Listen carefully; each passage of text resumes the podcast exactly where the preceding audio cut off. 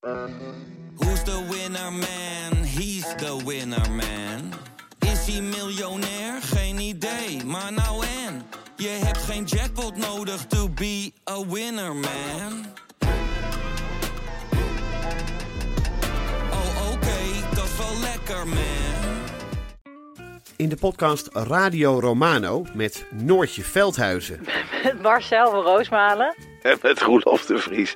brengen we alle drie elke week een zogenaamde signalering mee. Wat heb jij nou weer bij je? En aan het eind bepalen we wie de winnaar van de week is. Echt een angstcultuur aan het Lege worden. huls die je er bent? Ja, dat gaat eigenlijk altijd onvriendelijk.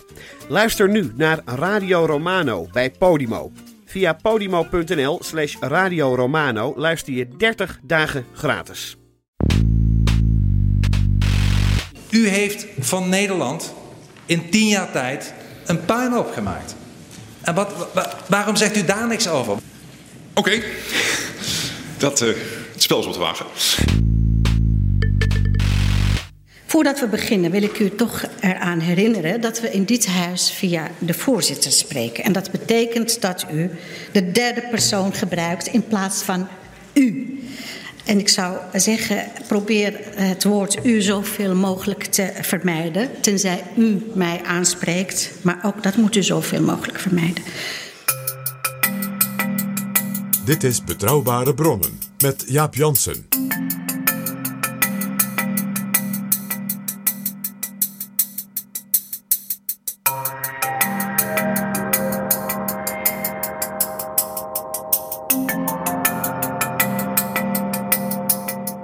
Hallo, welkom in Betrouwbare Bronnen, aflevering 131. Deze week zagen we in de Tweede Kamer het traditioneel langste politieke debat van het jaar, de algemene politieke beschouwingen. En in het derde seizoen van Betrouwbare Bronnen, ook alweer bijna een traditie, na die algemene beschouwingen, praat ik met Roderick van Grieken, directeur van het Nederlands Debatinstituut. Dit is Betrouwbare Bronnen. Welkom in Betrouwbare Bronnen, Roderick van Grieken. Hallo. We gaan praten over die algemene beschouwingen.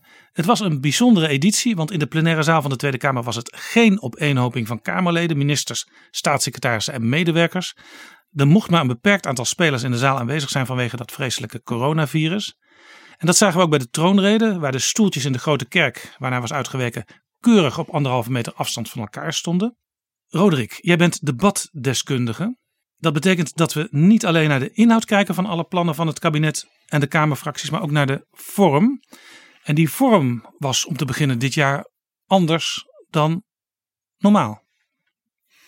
Ja, vorm was anders, zoals je het net al zegt, hè, dat er minder mensen eh, in de zaal zitten. Ik denk dat dat toch ook wel een beetje effect heeft op de sprekers die er staan. Het is toch dat je voor, een, een, voor je gevoel een beetje voor een half leeg stadion eh, aan het voetballen bent. En het is ook anders omdat je midden in zo'n grote crisis zit.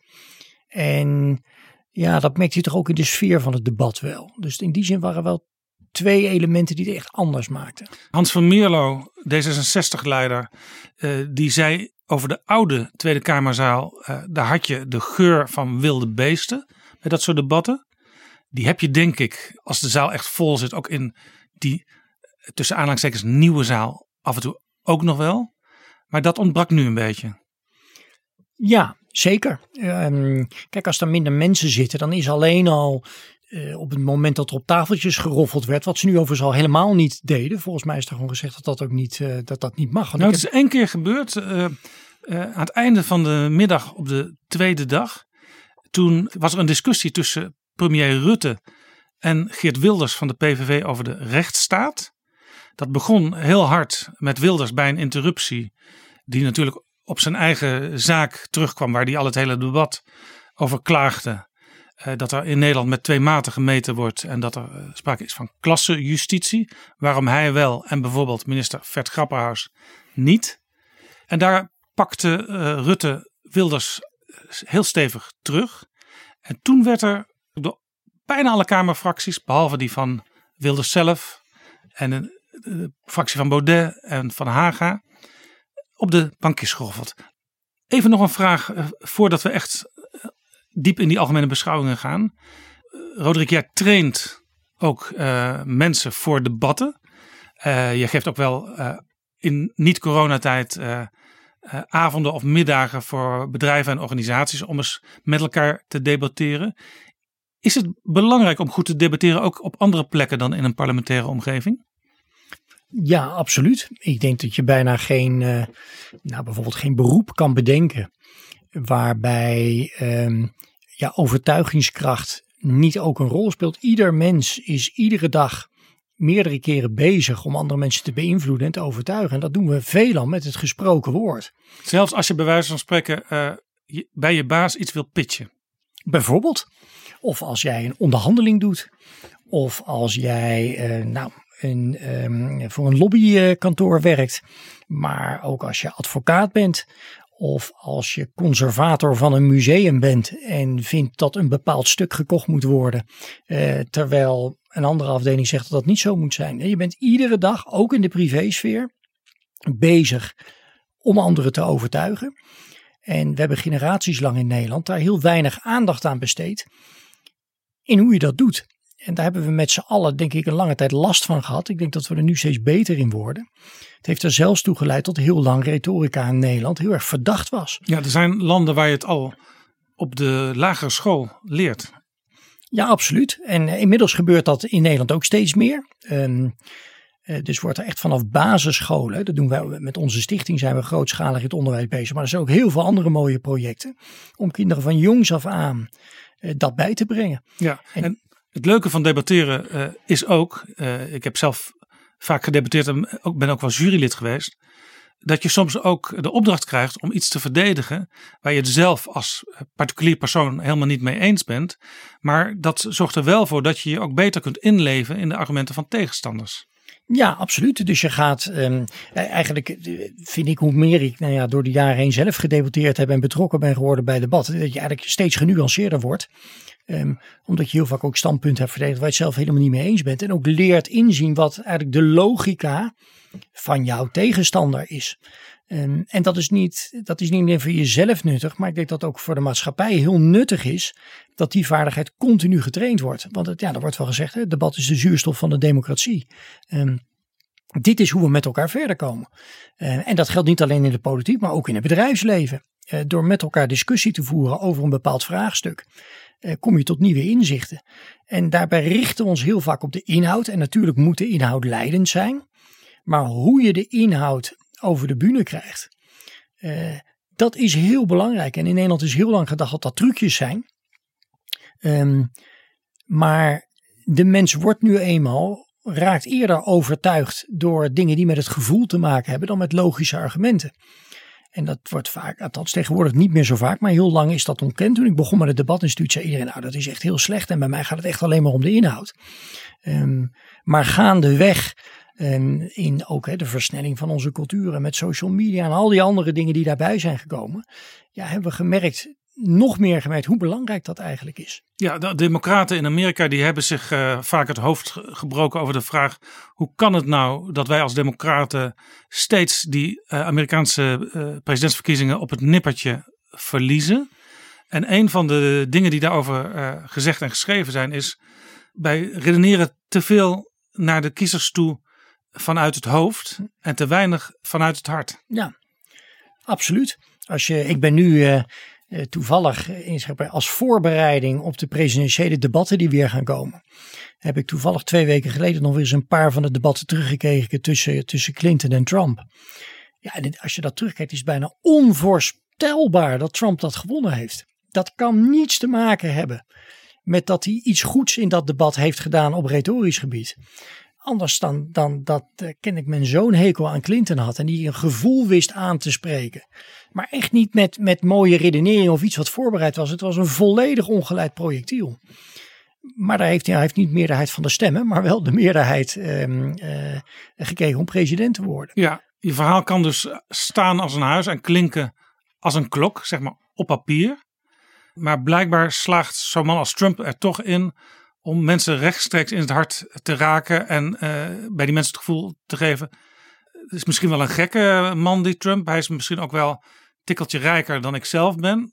Maar hij staat daar wel namens mij. Ja, bijvoorbeeld. En het simpele principe. Uh, Dat komt volgens mij oorspronkelijk van Cicero, die al zei van je, je overtuigt niet door, door meer argumenten te hebben dan je tegenstander, maar dat je het goede argument hebt. Als jij gewoon weet inderdaad wat degene die wilt overtuigen, wat die voelt en wat daar belangrijk voor is en dat aanspreekt. Daar zijn geen honderd goede, redelijke andere argumenten tegen opgewassen. Ja, heel veel mensen die denken als Geert Wilders in beeld komt, dan heb je die Wilders weer met zijn uh, grijs gedraaide grammofoonplaat. Maar toch is Wilders waarschijnlijk ook een voorbeeld van iemand die, ja, je weet wat je bij hem krijgt. Maar die daar wel, uh, laten we zeggen, 10 tot 20 procent van de kiezers mee weet te raken. Absoluut. En dat doet hij ook ongelooflijk knap in die debatten. En, um, uh, ook weer de, de, nou, nu bij de algemene beschouwingen. Het aanvoelen wat er leeft bij, bij een deel van het electoraat. En dat keer op keer. En dat is ongelooflijk knap. Met de actualiteit in handen steeds weer aanboren. Iedere keer datzelfde gevoel. En het ook pijnlijk maken voor degene tegen wie je debatteert. Dat doet hij heel knap. We gaan het hebben over de algemene beschouwingen. Die vallen altijd uiteen in twee delen. Op dag 1 spreken de fractievoorzitters. En dat waren er dit jaar maar liefst 16. En op dag 2 begint s'morgens de minister-president Mark Rutte met een urenlang antwoord. Dan vervolgens eh, komen de fractievoorzitters met hun tweede termijn. En daar dienen ze moties in om het beleid te veranderen. Of soms beleid extra vaart te geven. En tot slot van het debat antwoordt de premier daar weer op. Dat is een heel typische debatvorm. Heel anders dan die middagjes of avondjes in het land waar jij uh, bij betrokken bent. Jij hebt twee dagen gezeten en traditiegetrouw deel je ook een uh, prijs uit. Hè? Een debatprijs aan de uh, beste debater. En dat doe je samen met de Universiteit Leiden. En er waren ook dit jaar studenten bij betrokken die op de tribune of ik weet niet waar in kamertjes rondom het binnenhof. Normaal is het dus op de tribune dit jaar een aantal, maar het merendeel heeft gewoon vanuit, uh, vanuit huis gekeken. En ze, ze, keken met een bepaalde blik naar het debat. Waar, ja. waar keken ze naar? Nou, we, we, we, geven ze gewoon de, de jurycriteria die we zelf ook gebruiken. Um, dus ik zat uh, onder andere met, met uh, Jaap, hoogleraar Jaap Jansen, of ja, Jaap Jansen, Jaap de Jong. um, um, zat ik hier in de Tweede Kamer. En hebben we naar het debat gekeken. En dan zijn er een aantal vaste criteria die we hanteren. Die hebben we ook aan de studenten gegeven. En die moesten die criteria plakken aan een politicus die we ze hadden meegegeven. En die criteria zijn grofweg. A. Is een politicus in staat om zijn verhaal, zijn boodschap beeldend en helder voor het voetlicht te brengen. Dus heeft hij een, een mooie betooglijn.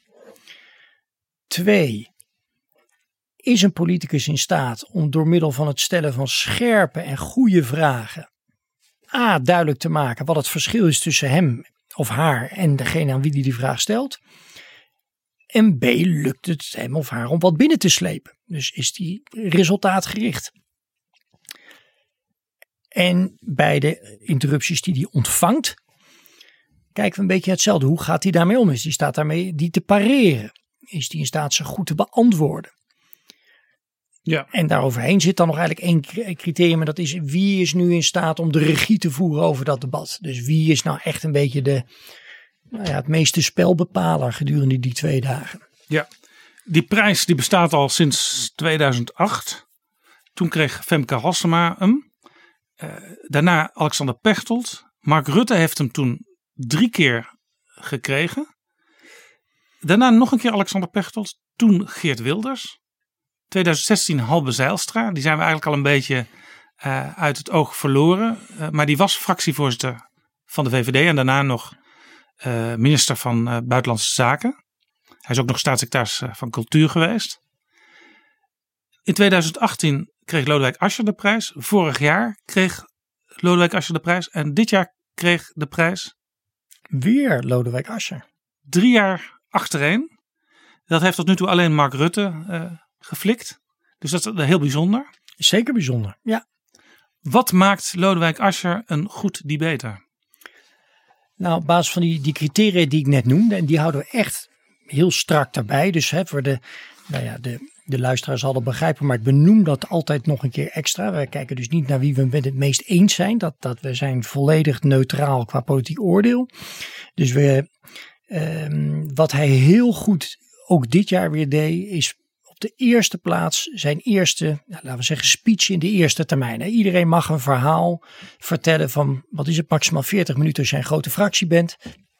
En dat gaat van, um, uh, dat is zeg maar echt jouw eigen boodschap die je wil vertellen. Dus daar heb je volledig regie op. Dus daar kun je ook een, een, een, een verhaal vertellen. Ja, en daar, um, daar heeft hij op basis van onze criteria heel erg gescoord. Wat weer heel bijzonder was, dat heeft hij ook de voorgaande twee jaar gedaan, is dat hij dat als enige volledig uit zijn hoofd deed. Dus hij gaat staan zonder enig hulpmiddel en vertelt zijn verhaal. En ook dit jaar was dat gewoon weer een mooi verhaal om naar te luisteren. Gewoon een breed verhaal met een visie, met anekdotes. Maakt het persoonlijk, maakt het actueel. En een compleet verhaal vertellen uit het hoofd in de Tweede Kamer is extra bijzonder, omdat je onderbroken mag worden. Absoluut. Ja, nu had hij dit jaar het geluk dat dat niet gebeurde. Maar ik denk dat dat deel zo komt omdat je op die manier je verhaal vertelt. Want je hebt oogcontact met de zaal. Je, daardoor zijn mensen meer betrokken, zijn ook nieuwsgieriger om te horen wat je doet. Wat hij ook wel slim doet, is dat hij daar waar anderen direct over beleidsdossiers gaan hebben. En dan moet 2 miljard meer hier naartoe en dan moet 100 miljoen hier naartoe. Dat doet hij nergens. Dus hij, hij gaat een beetje over de hoofden heen. Maar zet wel een visie neer. Een paar weken geleden stond ik voor een deur die normaal altijd open zwaait en die nu dicht bleef. We hadden de boodschappen daar voor de deur gezet uh, en stond ik te zwaaien voor zo'n raam. En aan de andere kant mijn zusje met haar gezin van vier kinderen. Corona. De een na de ander. Uh, quarantaine, uh, afstand houden, met vier kinderen binnen blijven. Het is goed afgelopen allemaal. Het was wel even weer spannend, maar gelukkig goed gegaan. Een ervaring die natuurlijk heel veel gezinnen nu opeens hebben. Maar ook echt het gevoel dat je in een verkeerde film bent beland. Dat, dat gekke uh, daar zo staan zwaaien. Het heeft iets buitengewoon vervreemdends. En dat geldt natuurlijk voor die hele crisis. Uh, dingen die, die fijn zijn, uh, contact hebben, elkaar omarmen, die opeens een onzichtbaar gevaar met zich meebrengen. De enorme eenzaamheid die dat teweeg heeft gebracht. Uh, voor ons persoon, als personen, dat je inderdaad je moeder niet een knuffel kan geven. Uh, voor mensen die, omdat ze kwetsbaar zijn, zichzelf hebben moeten isoleren al die maanden. De drama's in de verpleeghuizen en de gehandicaptenzorg. Het is echt een, een, een, een enorme omwenteling van, van alle zekerheden die er waren. En ook buiten de, die ziekte ging alles op zijn kop.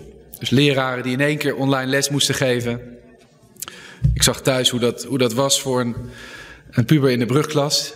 Dus één hand. En wat hij dan vervolgens heel goed doet, is dat hij dan daarna in de twee dagen in zijn interrupties vertaalt hij dat naar concreet beleid. En daar waar andere politici, die overigens ook, er zaten hele goede voorbeelden tussen, maar toch vaak alleen het verschil willen benoemen. Van kabinet vindt A en ik vind B. En waarom vindt u niet ook B? Gaat hij wat meer in het midden zitten en zegt hij, we willen toch allemaal die kant op? Zouden we nou niet dit kunnen doen om daar sneller te komen? Zijn verhaal bestaat eigenlijk uit twee delen, namelijk uh, zijn eerste termijn inbreng achter het spreekgestoelte. En in feite uh, toevoegingen die hij dan bij de interruptiemicrofoon brengt. En waar hij eigenlijk zijn verhaal concreet uitbreidt. Ja. Dus het is heel, er is heel erg goed over nagedacht van tevoren. Wanneer ga ik wat zeggen? En bij wie? Ja, dat is allemaal uh, het politieke spel inderdaad. Um, uh, wat daarachter zit. En daar moet je heel goed van tevoren over nadenken. Dus als je, uh, zoals Lodewijk Asscher, een van de belangrijke oppositieleiders bent, dan moet je je dus ook richten op coalitiepartijen om zeg maar alvast een soort hen, om ze alvast een beetje warm te maken voor misschien een mogelijk compromis. En dan op dag twee, als de minister-president spreekt, dan kun je opnieuw gaan interruperen. En dan kijken wat je bij de minister-president gedaan kunt krijgen. Ja, absoluut. dus je tast eerst af bij de andere fracties. En je, en je stelt ook een vraag aan het kabinet. Dus dan weet je dat de, de minister-president die moet die vragen beantwoorden op dag twee. Ja, want hij noteert dat en zijn ambtenaren noteren het als hij het zelf niet doet. Ja. Dus en, automatisch bij, zeg maar, als de minister-president s morgens wakker wordt dan liggen er al uh, tientallen A4'tjes met uh, antwoorden op alles wat er gevraagd is door de Kamer. Ja, keurig gecategoriseerd per onderwerp uh, in een volgorde. Dan gaat de premier zelf nog even daar regie op voeren. Zeggen van nou, zullen we het dan, wat is nou een slimme manier om het aan te pakken? Uiteraard ja, en hij leest ook niet alles voor. Hij kiest een beetje wat hij voorleest. Als ja. hij denkt ik ga de boel doodslaan, dan ga ik alles voorlezen.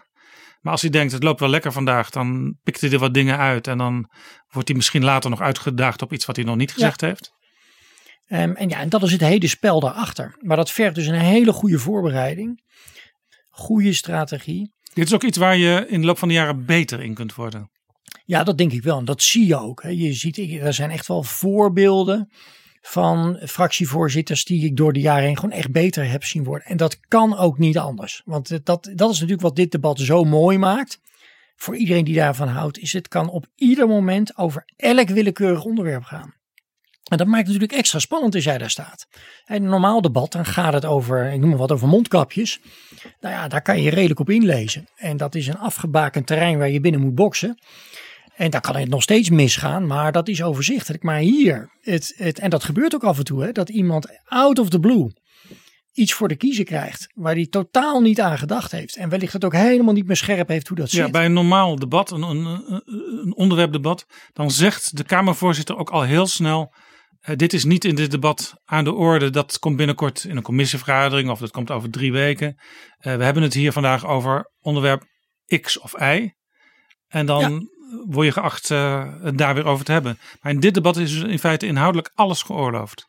Je mag op ieder moment alle kanten opvliegen. Dan nog, en dan kan, kan uh, ja, dat gebeurt eigenlijk bijna niet. Je hebt redelijk de, je wel redelijk de regie. Als jij er gewoon voor kiest van, nou, ik ga nu die vraag stellen, dan kan iemand die op dat moment zeg maar de spreekbeurt heeft, kan dan wel zeggen, nou, daar kom ik zo op. Maar dat wordt dan een beetje als een zwaktebod gezien. Is het te trainen zoals, zoals als je het debat doet, volledig uit het hoofd? Ja, dat kan je zeker, kan je dat wel trainen. Iedereen kan dat leren? Ja, het zou, ik bedoel, het zou niet het eerste zijn wat ik zou gaan trainen als ik, als ik dit zou moeten gaan doen. Dat je eerst echt wel goed in de dossiers moet zitten. En je, en, en je daar eerst op moet ontwikkelen. Ja, en een klein briefje met wat bullet points is toch altijd wel handig om te hebben? Absoluut, ja. Ja, eigenlijk neemt hij ook echt wel een risico door dat niet te doen. Maar ik heb het hem wel eens gevraagd um, na afloop van zo'n prijsuitreiking. En hij zegt, ja, ik, ik vind dat vervelend, want dan hindert het me. Want ik wil daadwerkelijk mijn gedachten kunnen laten gaan. En zoals ik het op dat moment in mijn hoofd opkom, wil ik het kunnen vertellen. En zo klinkt het ook als hij het vertelt. En daarmee neem je een risico, want daar kan je ook dingen overslaan. Um, maar de grootste fout die vaak gemaakt wordt, is dat mensen denken dat ze volledig willen zijn. Dat zie je overigens tegenwoordig steeds minder. Um, maar het was nog niet zo lang geleden dat fractievoorzitters daar echt gewoon een boodschappenlijstje gingen afwerken. Die hadden dan van hun fractie gehoord, joh, je moet hier wat over vragen, je moet daar wat over. En dan was het gewoon 40 minuten lang. En wat doet het kabinet hier aan? En wanneer gaan ze nu daar aan denken? Precies zoals de troonrede ook heel lang was. Hè, dat, het, dat echt elk departement ja. had drie regels. Ja. En er was totaal niet door te komen als luisteraar. Uh, je, ging, ja, je ging naar de hoedjes kijken en zo, maar je luisterde niet meer naar wat er gezegd werd. Ja, en dat was, uh, ja, dat gaat ja, ten koste van het debat. Um, maar je kan, je kan wel zeker je ontwikkelen in, en ja, het gaat er niet zozeer dat je het uit je hoofd doet, maar hoe vertel ik een verhaal? En daar zie je echt wel niveauverschil in. In A, hoe goed die verhalen in elkaar zitten en B, hoe je zo'n verhaal dan voordraagt. Wat was dit keer het thema van Ascher? Hij noemde een aantal voorbeelden. Hij begon echt met, corona was echt wel leidend. Ja, hij was ook het, het Kamerlid dat op een bepaald moment op de eerste dag, uh, ergens in de middag, naar de interruptiemicrofoon kwam en zei: Ja, er is van alles aan de hand op dit moment buiten deze ja. zaal. Het aantal besmettingen neemt weer toe. Uh, België uh, verklaart Zuid- en Noord-Holland tot code rood. Ja. Later op de dag kwam ook Duitsland er nog bij met zware verhalen over Nederland. hebben we het eigenlijk wel over de goede onderwerpen? Kunnen we een brief krijgen over corona? Ja.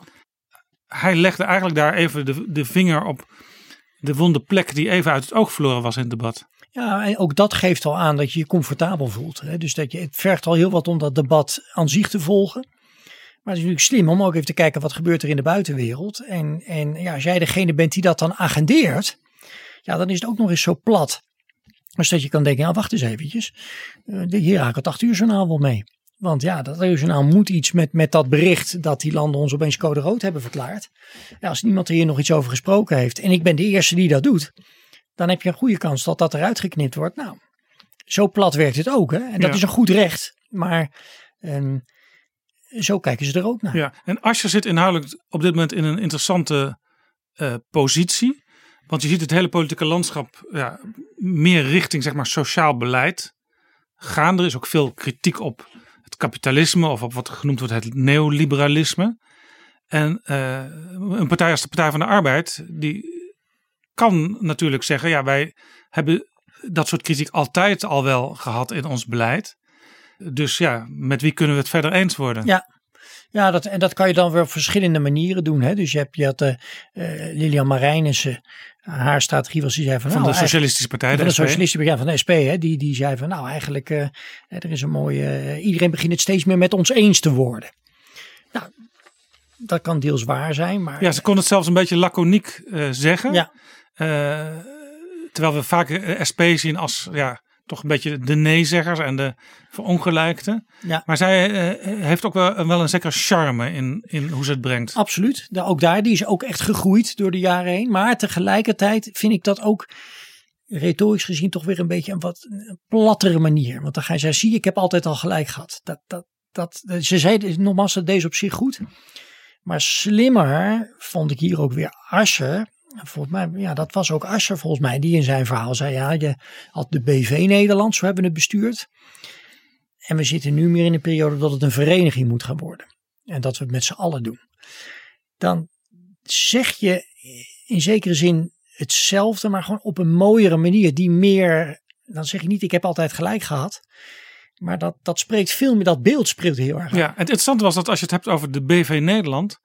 eh, Rutte die zag ze op de tweede dag in zijn antwoord ook geroepen. Om te verklaren dat hij eigenlijk nooit zo voorstander van dat beeld van de BV Nederland was geweest. Hij zei er zelfs bij, ik heb het waarschijnlijk wel eens geroepen. Maar eigenlijk ben ik daar achteraf niet zo blij mee. Ja, nou, en, en Rutte is iemand die komt daarmee weg. Ja. Eh, om het zo te En zeggen. Asscher kan dat dan weer incasseren. Absoluut, ja. Maar dat is nu een, hè, dat is nou echt ja, hogere school retorica, wat het echt mooi maakt dat je, dat je het zo benoemt. En dat is ook het, het, het echte ambacht van het van tevoren zo'n verhaal goed voorbereiden. Want dan zet je een beeld neer en aan dat beeld kan je van alles gaan hangen. Ehm, en dat kan je gaan uitwerken. En het is ook een sympathiek beeld. Hè? Van, ja, een land is niet een bedrijf.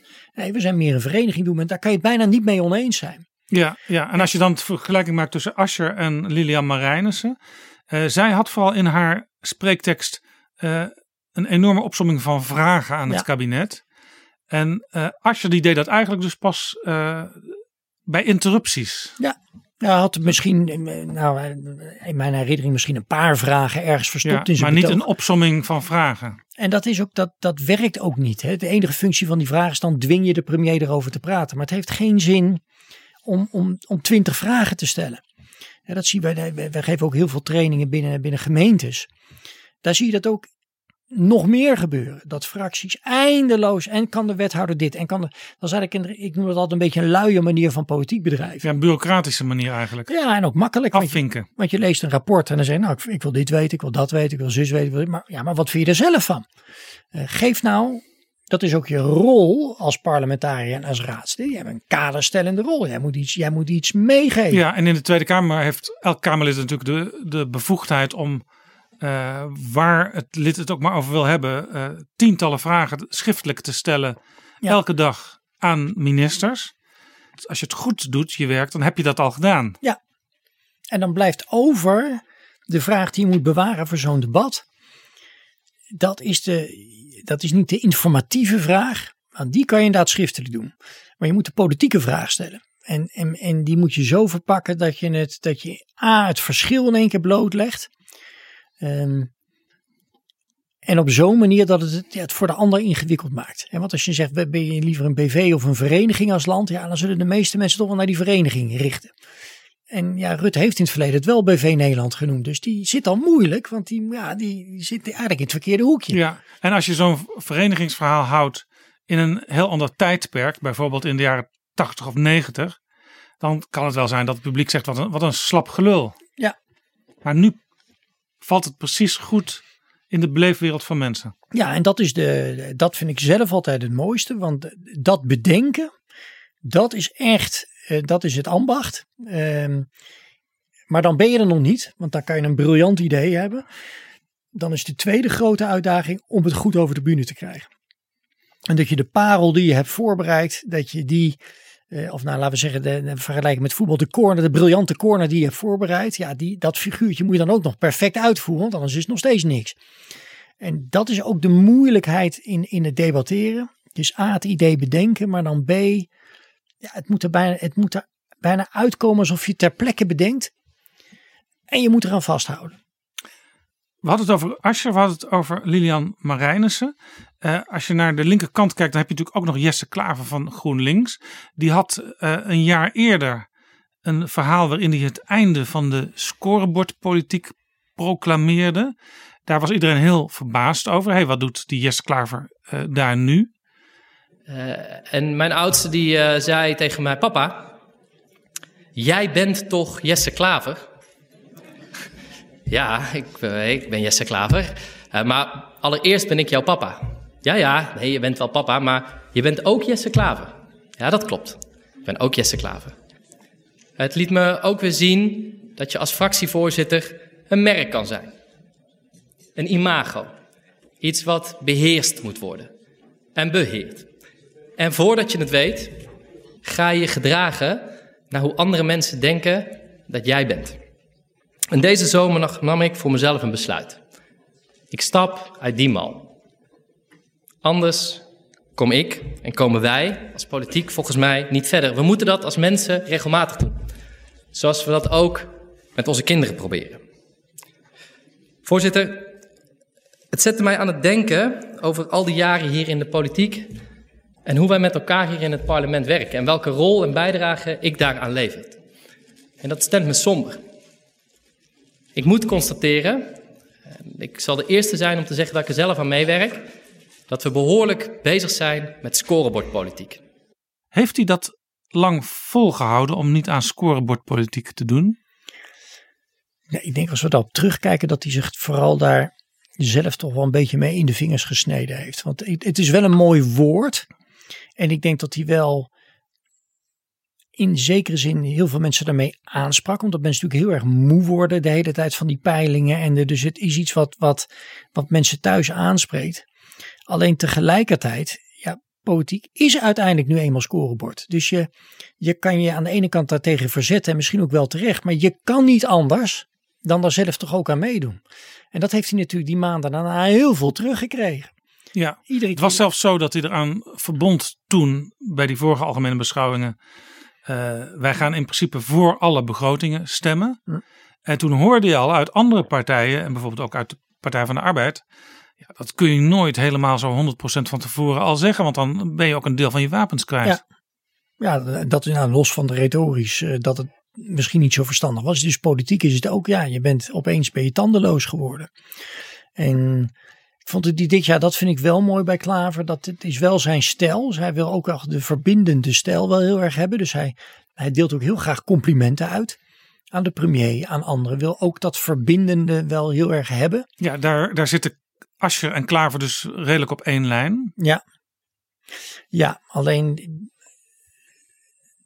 tegelijk, wat, wat Ascher, wat mij betreft, dan toch sterker maakt, is dat hij Um, ja, je wil aan de ene kant verbindend zijn. Uh, en dat, dat, dat zullen ze ook oprecht willen. Maar tegelijkertijd, ja, je moet toch dingen binnenhalen. Dus je moet op een gegeven moment ook, uh, nou ja, slim iemand toch een beetje in de hoek zetten. En daar is als je, zeg jij, sterker in. Ja, ik, ik vond bij, bij Klaver af en toe wel met mooie beelden hoor. Maar dat hij toch meer het wij zei. Hè? U wil hè, met, met, met dat groeifonds, uh, nou wil u die kant op. En wij willen de andere kant op. En kunnen we niet de andere kant op? Ja. En daar houdt het dan op. Ja, hij had het op een gegeven moment ook over, had hij niet eens uh, van tevoren bedacht, over het Groenfonds. Oh, ik zeg Groenfonds. um, want zijn, zijn verwijt eigenlijk aan het kabinet was, ja, jullie willen de groei stimuleren, maar groei aan zich is helemaal niet goed. Uh, je moet het duurzaam en groen maken. En volgens mij was dan Rutte later in het debat wel weer zo handig om het toch allemaal weer een beetje in één te vlechten. En eigenlijk Klaver voor een groot deel ook wel weer tevreden te stellen. Ja, maar daar waar ik dan en dan moet ik eerlijk zeggen, dat ik, ik weet even niet meer of het nou over het groeifonds ging of over die BIC-regeling. Dat... Ja, dat is een ander dingetje wat heel erg uh, opviel in dit uh, debat. De BIC-regeling. En dat betekent baangerelateerde investeringskorting. En dat werd door Klaver uh, uitgelegd als een cadeautje voor Hans de Boer, die net afscheid heeft genomen als voorzitter van VNO-NCW. en Linia Marijnissen, die noemde BIC de dividendbelasting 3.0. Uh, iedereen herinnert zich nog, uh, uit de kabinetsformatie kwam ineens voort dat uh, het kabinet de dividendbelasting voor de grote multinationals wilde gaan afschaffen. En dat was vooral voordelig voor een bedrijf als Unilever. Uiteindelijk is dat allemaal niet doorgegaan, want het was een meloen om op te eten volgens de ChristenUnie. En ook D66 was er helemaal niet blij mee. Het CDA had het dan tegen Heugenmeug wel uh, iets makkelijker uh, willen slikken. Maar uiteindelijk, de maatschappelijke weerstand was te groot. En Linja Marijnissen zei dus, ja, dit is eigenlijk die, die dividendbelasting 3.0. Ja, ja dat, dat, dat element noemen we dan in vakjargon hè, de, het framen. Dus dan, dan plaats je die maatregel van die 2 miljard voor het bedrijfsleven. Nou, dat ja, plak Klaver je dan had weer. het een aantal keer over het VNO-fonds. Ja, dus dan, dan, nou, dan ga je het daarmee kleuren. Maar wat ik, waar ik dan Asscher nu wel weer wat onderscheidend in vond, is dat je.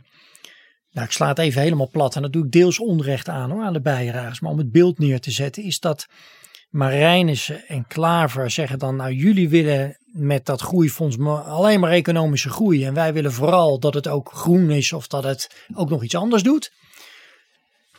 En dat moet jij ook willen, dat moeten jullie ook willen. En Asscher die pakt het dan net een nuance anders aan. Die zegt van nou ja, kijk, we willen allemaal dat het gaat groeien. Dat het economische groei oplevert. Uh, maar ik hecht natuurlijk wat meer aan. Ik noem maar wat, dat, we, dat, uh, uh, dat het ook banen oplevert. Nou, als ik nou een voorbeeld kan bedenken van iets wat en groei oplevert en nog wat extra banen in de zorg. Bent u dan bereid mee te denken? Dus dan, dan maar zit je niet tegenover elkaar, maar dan dwing je de ander een beetje om toch met je mee te gaan denken. Want daar is het al veel moeilijker ja. om daar nee tegen ja. te zeggen. En het interessante is dat uh, zo'n voorbeeld kan dan al tijdens het vervolg van het debat komen. Maar het kan ook zijn dat dat in de weken daarna komt. En de ministers ja. weten, we moeten bij zo'n meneer Ascher langs om te overleggen. Ja, en dat was precies wat het volgens mij deed Ascher dit bij Dijkhoff. En die reageerde daar wel weer grappig op. Uh, iets in de trant van ja, meneer als, als ik dat tegen u zeg, dan heb ik daar nog wekenlang last van. Dus, dat, hè, dat, ja. uh, dus die voelt dat ook wel aan. Maar je, het is, en dat is vaak in de afweging ook wel moeilijk hoor, in die juryringen. Want aan de ene kant is het helderder voor de kijker thuis. Als je zegt, jij vindt A, ik vind B, daarom zijn we het oneens en we laten het hard botsen. Maar onze Nederlandse poldercultuur en ook het polderdebat vergt nu eenmaal altijd dat je uiteindelijk toch weer bij elkaar moet uitkomen. Dus je, je kan niet te hard botsen. Dus je, onze debatten zijn anders dan Anglo-Saxische debatten. Ja, over botsen gesproken. Het botste al meteen aan het begin van het debat. En dat is ook niet voor de eerste keer. Want al een aantal jaren, al jarenlang eigenlijk. Sinds 2008 ik de prijs doe. Is in ieder Wilders, geval. Uh, ja, toch uh, een van de grootste partijen en vaak de grootste oppositiepartij. En dat betekent als je de grootste oppositiepartij bent, dan mag je het debat openen. En dan heb je als grote partij 40 minuten spreektijd. Maar zodra jij geïnterrumpeerd wordt, dan krijg je er heel veel zendtijd bij. Want je krijgt dan uitgebreide ruimte om antwoord te geven. En daar maakt Wilders uh, goed gebruik van. En Wilders trekt zich eigenlijk niks aan van het algemene maatschappelijke thema wat dan bij veel mensen ja. leeft. Hij begint altijd met een heel erg zelfgekozen onderwerp. En dat was deze keer ook weer zo, want hij begon over zijn eigen rechtszaak, waar hij net uh, weer veroordeeld was. Dank u, mevrouw de voorzitter. Veroordeeld. Twaalf dagen geleden ben ik, de leider van de grootste oppositiepartij in Nederland, veroordeeld in een politiek proces. Veroordeeld door een drietal dwaallichten van het gerechtshof Den Haag, die zichzelf rechters noemen en vinden dat ik de eer en goede naam van Marokkanen heb aangetast. Alsof Marokkanen mij daarvoor nodig hebben. Niemand, mevrouw de voorzitter, maar dan ook niemand beledigt de groep Marokkanen meer dan Marokkanen zelf. En we hebben deze zomer opnieuw in grote delen van Nederland gezien waar ik al 15 jaar bijna dagelijks voor waarschuw. De verschrikkelijke Marokkanen-terreur die onze wijken en steden onveilig maakt. Marokkaanse kolonisten die zwaaiend met een nationale vlag hier de boedende fik steken en de politie met stenen bekogelen. En daar keer op keer nog mee wegkomen ook. Er zijn inmiddels miljoenen Nederlanders die dolgraag minder Marokkanen willen, maar een vraag daarover stellen mag niet als je de leider van de grootste oppositiepartij bent en Geert Wilders heet.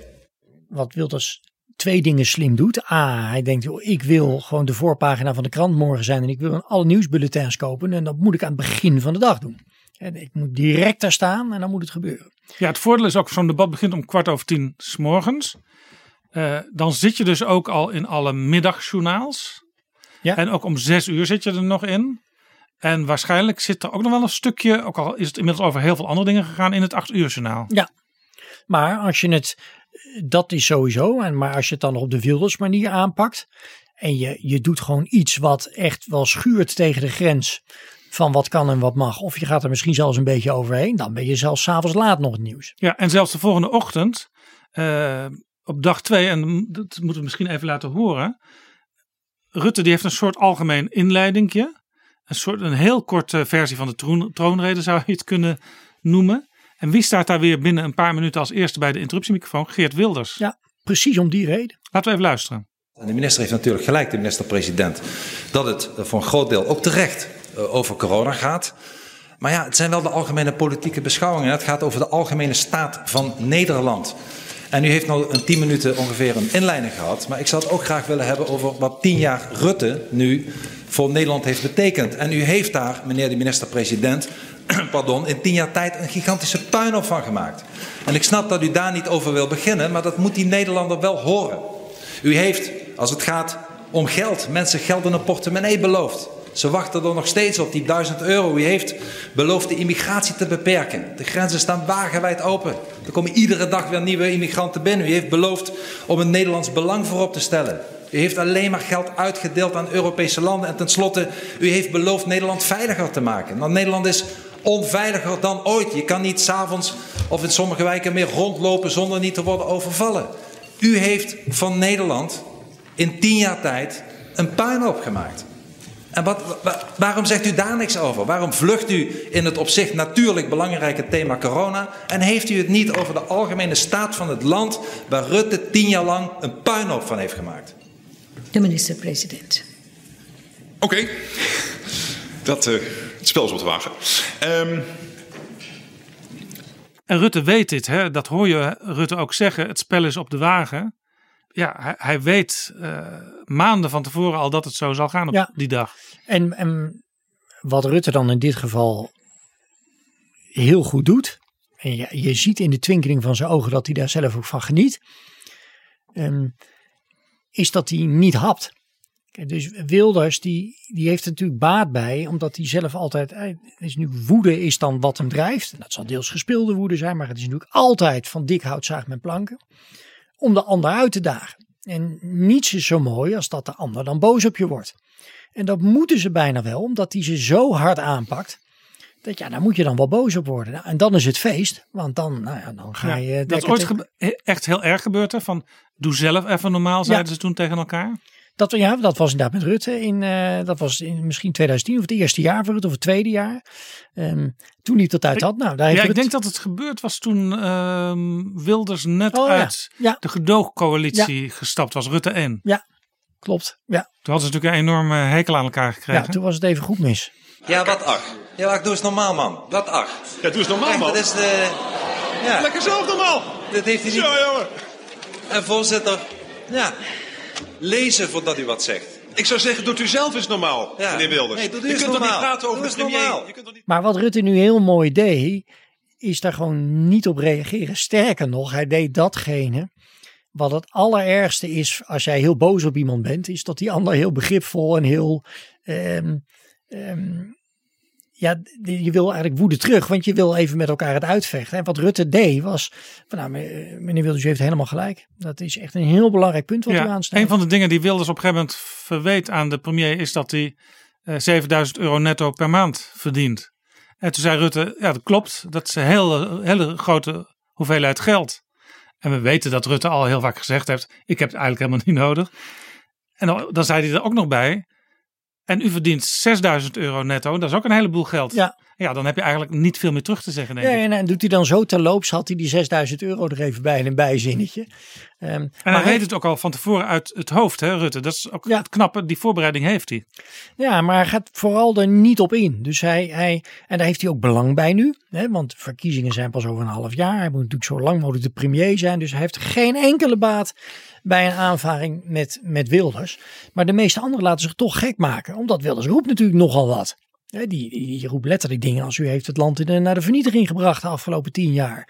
En u, het interesseert u helemaal niet wat de mensen thuis vinden. En u, nou ja, ja, het is ooit zelfs ook een groeimodel geweest voor Alexander Pechtold van D66 toen hij de Kamer inkwam met drie zetels, eh, Pechtold. Hij ging zich als de anti-Wilders opstellen in Ja. de debatten. En op een gegeven moment waren ze heel vaak samen in de nieuwsbulletins. Ja, daar hadden ze allebei baat bij. Dat was voor hen allebei prettig.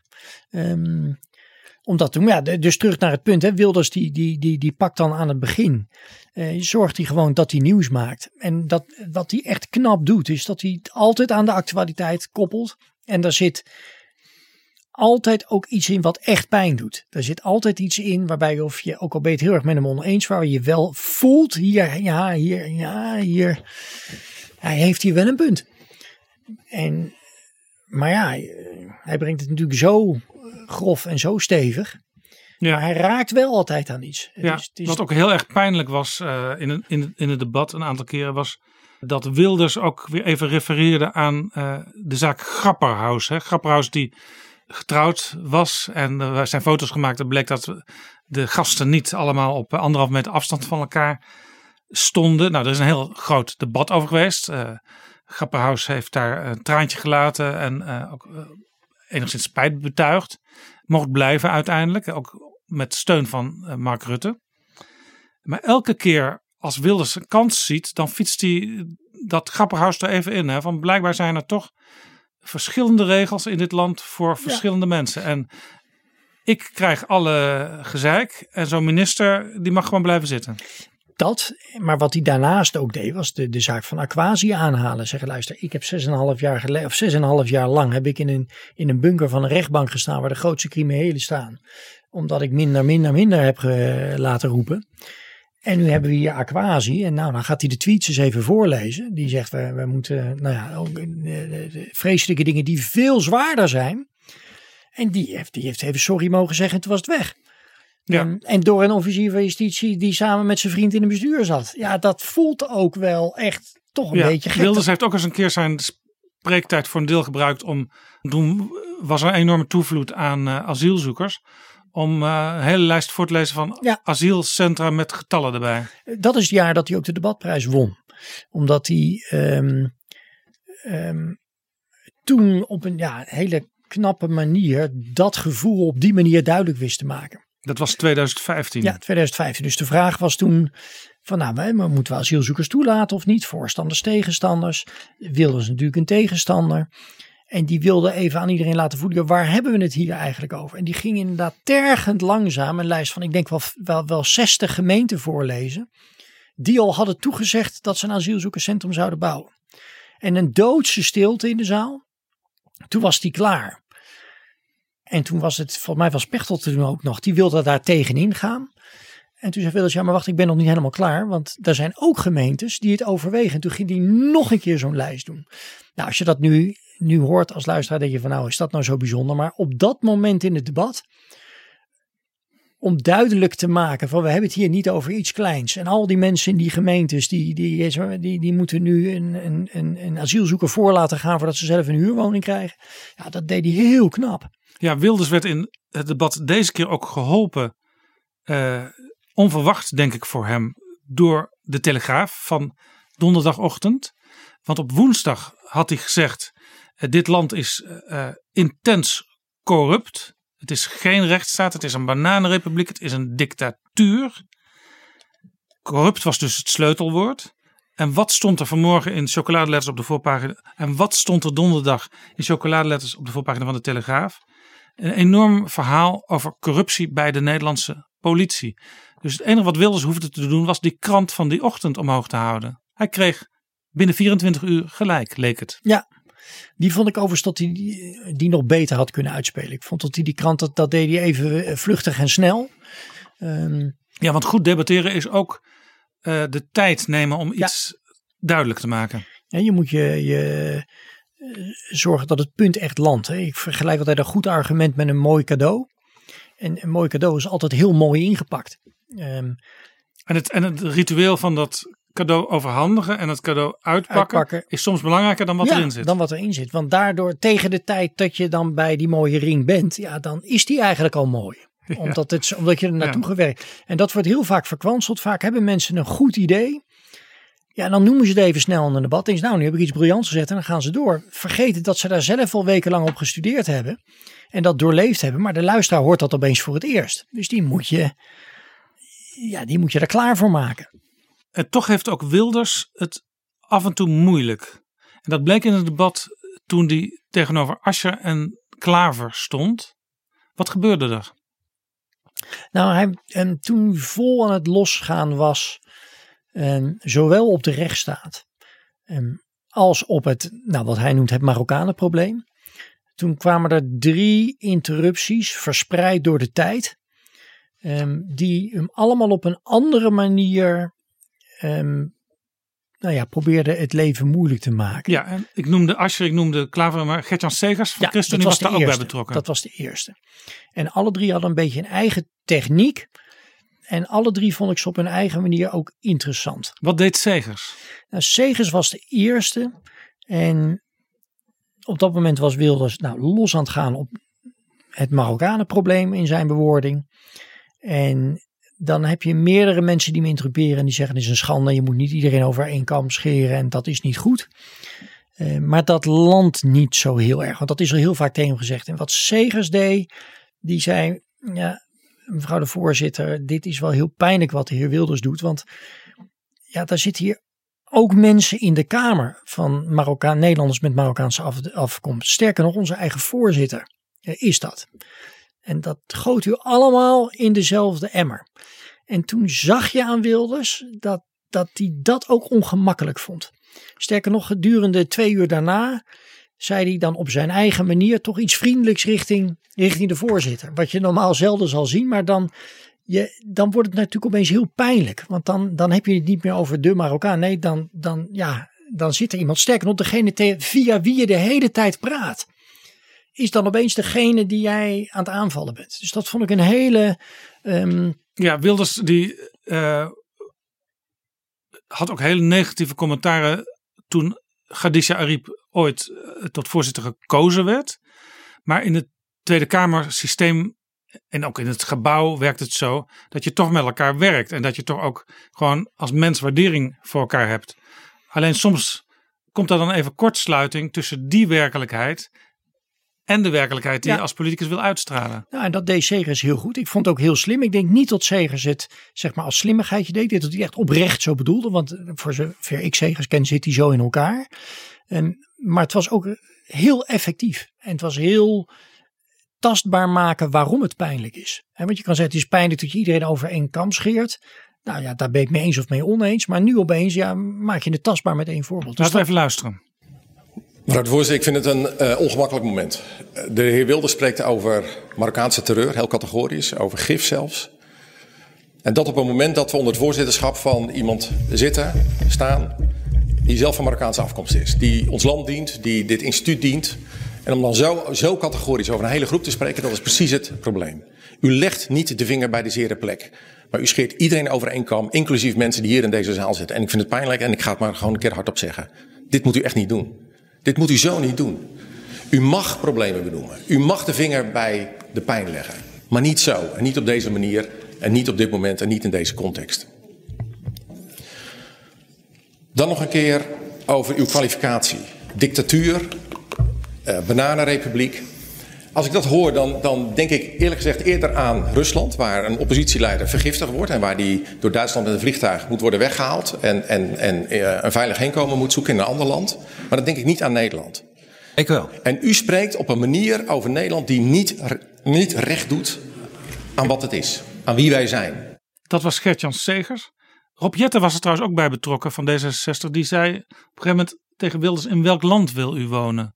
Voorzitter, ik ben trots op Nederland. Wij hebben volgens internationale lijstjes een van de beste zorgstelsels ter wereld, een van de beste pensioenstelsels ter wereld. Ondanks de crisis zijn mensen en kinderen nergens zo gelukkig als in Nederland. En toch spreekt de heer Wilders hier van een intens corrupt land. En eerder gebruikt hij woorden bananenrepubliek en een nepparlement. En dan is mijn vraag aan de heer Wilders, als het hier allemaal zo verschrikkelijk is, in welk land zou u dan liever wonen? Dat is best een slimme vraag. Want dan daar moet iemand dan, ja, dan in principe moet iemand daar wel antwoord op geven. Nou, dat, um, dat deed Wilders natuurlijk niet. Want die zei, ik wil gewoon in Nederland wonen wat, wat goed in elkaar zit. En toen herhaalde Jetten het nog één keer. Maar daarna liet hij het een beetje lopen. Dus ik vond dat een voorbeeld van een echt een slimme interruptie. Ja, als je het nu hoort, dan denk je nou. Maar zonder goed vervolg. Ja, maar je, je, moet, het, je moet het maar bedenken. Het is een simpel, kort vraagje. Maar die, die nou, draait toch even de duimschroef aan. Alleen dan moet je vasthouden. En dan moet je gewoon keer op keer alleen maar die vraag halen. En wat, wat, in, wat heel vaak gebeurt, is dat degene die interrupeert dan eerst weer een heel verhaal gaat vertellen. Um, en ja, mijn ervaring is dat je dat beter niet kan doen. Gewoon die vragen halen. Meneer Wilders, u, ja, u, dan komt, het hele circus komt weer voorbij. Is duidelijk, maar ik stel u één vraag. En dat is ja. mij een redelijk simpele vraag. U wil hier niet wonen. Waar wilt u wel wonen? Het is ook niet altijd makkelijk om meteen een goed antwoord te geven op een interruptie. Want ik herinner me een heel goed antwoord een keer. Meer een opmerking eigenlijk van Wilders tegenover Jolande Sap van GroenLinks. Die kwam toen met de bekende stekkerdoos aanzetten. En ze wilde laten zien hoe makkelijk het is om de stekker uit de coalitie te trekken, waar Wilders toen een gedoogsteun verleende. En ja, de hele zaal vond het eigenlijk al een rare toestand dat zij met die stekkerdoos aankwam zetten. Voorzitter, ik nodig de heer Wilders uit. Kijkt u even goed. Zo doet hij dat, meneer Wilders. Zo gaat de stekker eruit. Nou, voorzitter, mijn conclusie is dat bij mevrouw Sap de stekker er volgens mij nooit heeft ingezeten. Ja, maar dat lukt hem niet altijd, hè, Wilders, om zo'n gevatte opmerking te maken. Nee, maar je moet, um, daar moet je bij Wilders wel rekening mee houden. Dus je moet wel um, van hele goede huizen komen. Als je Wilders op zo'n manier te gaan zal nemen. Zo is Cohen is ook een keer ongenadig nat gegaan. Echt in de eerste vijf minuten van de politieke beschouwingen. Um, die zat al niet zo lekker in zijn vel, Cohen. En die vond, je, in de campagne was al gebleken dat die, die debatten. Die ja, Cohen werd gezien als een uh, potentieel heel goede leider. Hij was natuurlijk succesvol burgemeester Amsterdam geweest. Hij was staatssecretaris van uh, Justitie, asielzaken geweest. Had een uh, grote wet door het parlement geloodst. Maar op de een of andere manier leek hij een beetje toen uit een andere tijd te komen. En niet meer in het geheel van toen te passen. En hij had, was een goede bestuurder, maar had nooit in de politieke loopgraven van een echt Kamerdebat gestaan. Of, een, uh, of het echt campagne voeren als politicus. En ja, die stond tegenover Wilders. Dat was aan het begin van de, van, de, van de beschouwingen. En hij mocht beginnen zelfs Cohen. En ja, hij begon al een beetje ongemakkelijk. En direct natuurlijk Wilders, waar we het net over hadden, was de eerste die naar de microfoon ging. Die gaf hem onderuit de zak over een willekeurig onderwerp. En toen zag je Cohen een beetje in zijn papieren zoeken en naar een briefje toe gaan. En die ging toen het voorbereide antwoord op wat voor interruptie dan ook van Wilders zeggen van, nou meneer Wilders, wat u nu doet, dat kennen wij van u. En die las echt duidelijk iets voor. Waarop Wilders zei, nou meneer Cohen, dat heeft u heel goed voor de spiegel geoefend. En dat leest u heel goed voor. Ja. En iedereen zag ook dat hij dat aan het voorlezen. En dat het eigenlijk, het was helemaal, ja, en het was over en uit in één keer. En dat ja, bij Wilders is genadeloos. Die doet dat op, die doet het op een. Ja, ja en hij is ook eh, best wel knap als politicus. Uh, onlangs in de zomer was er een coronadebat, half augustus. Uh, heel veel Kamerleden waren teruggekomen. Er was afgesproken tussen de leiders in de Kamer om in coronatijd niet plotseling een hoofdelijke stemming te willen aanvragen. Wilders was er zelf bij betrokken geweest om dat zo te regelen. Maar ja, het was weer een paar maanden later en Wilders zei: Ik wil nu een hoofdelijke stemming. En toen liepen heel veel Kamerleden van uh, de coalitie, die liepen het gebouw uit, omdat ze wisten, als er minder dan de helft van het aantal leden is, dan kan er niet gestemd worden. En Wilders heeft daar een enorm punt van gemaakt. Ze lopen weg voor hun verantwoordelijkheid. Uh, eigenlijk heel Nederland gaf hem daarin gelijk. En later hadden Kamerleden van de coalitie ook wel spijt dat ze het zo gedaan hadden. Niemand heeft toen op dat moment meer gerefereerd aan het feit dat ooit Wilders zelf met zijn hele fractie aan het begin van een groot debat is weggelopen. Ja, was voor mij zelfs aan het begin van de algemene beschouwing ja. zelfs. Dat ze aan het begin zeiden we doen hier niet mee en we lopen weg. Ja. Maar ja, dat is dan, hè, dat is dan passé, dat is lang geleden. En dat, dat, Die verrijkt zich misschien ook dat het aantal Kamerleden heel snel uh, ververst. Ja. Dus ja, dan moet je zeggen, meneer Wilders, u heeft dat ook ooit gedaan. Wilders zit natuurlijk al zo lang in die Kamer. Ja, dan moet je teruggaan. Dat, dat, dat Azarkan had gisteren opeens zo'n interruptie ook bij meneer Wilders. Ja, Farid Azarkan van Denk. Ja, die, uh, die het overigens best goed deed hoor, vond ik, Azarkan. Uh, afgelopen, uh, gedurende de heeft een hele andere stijl ook Azarkan dan zijn twee collega-leden. Ja. Die, die zijn meer van het sarren en het uh, stoken. En Azarkan is toch iets meer concreet uh, to the point ja, op wat, onderdelen. En wat, wat constructiever en wat, uh, um, ja, doet wat, wat meer echt mee binnen het spel zoals het gespeeld wordt. Maar die, um, ja, die ging opeens Wilders eraan herinneren dat Wilders ooit in de tijd van Pim Fortuyn tegen Fortuyn had gezegd dat de islam een, een geloof was wat je moet waarderen of zoiets. Ja, dat moet je tegen Wilders niet zeggen. Dan ga je dus 18 jaar terug. Ja. En ja. dan krijg je ook direct onderuit de zak. Ja, nee, ik herinner me interviews met CDA'ers vroeger. Toen het CDA de belangrijkste partij van het land was. En met de ene keer met de Partij van de Arbeid, de andere keer met de VVD regeerde. En als die dan zo'n vraag kreeg, ja, maar u zei toch ooit uh, dit en dat. Dan was het antwoord, het denken schrijdt voort. En daar kwamen ja. ze mee weg. Ja. Want ja, dat is natuurlijk altijd wel weer ergens een nieuw argument om er toch iets anders over te gaan ja, denken. absoluut.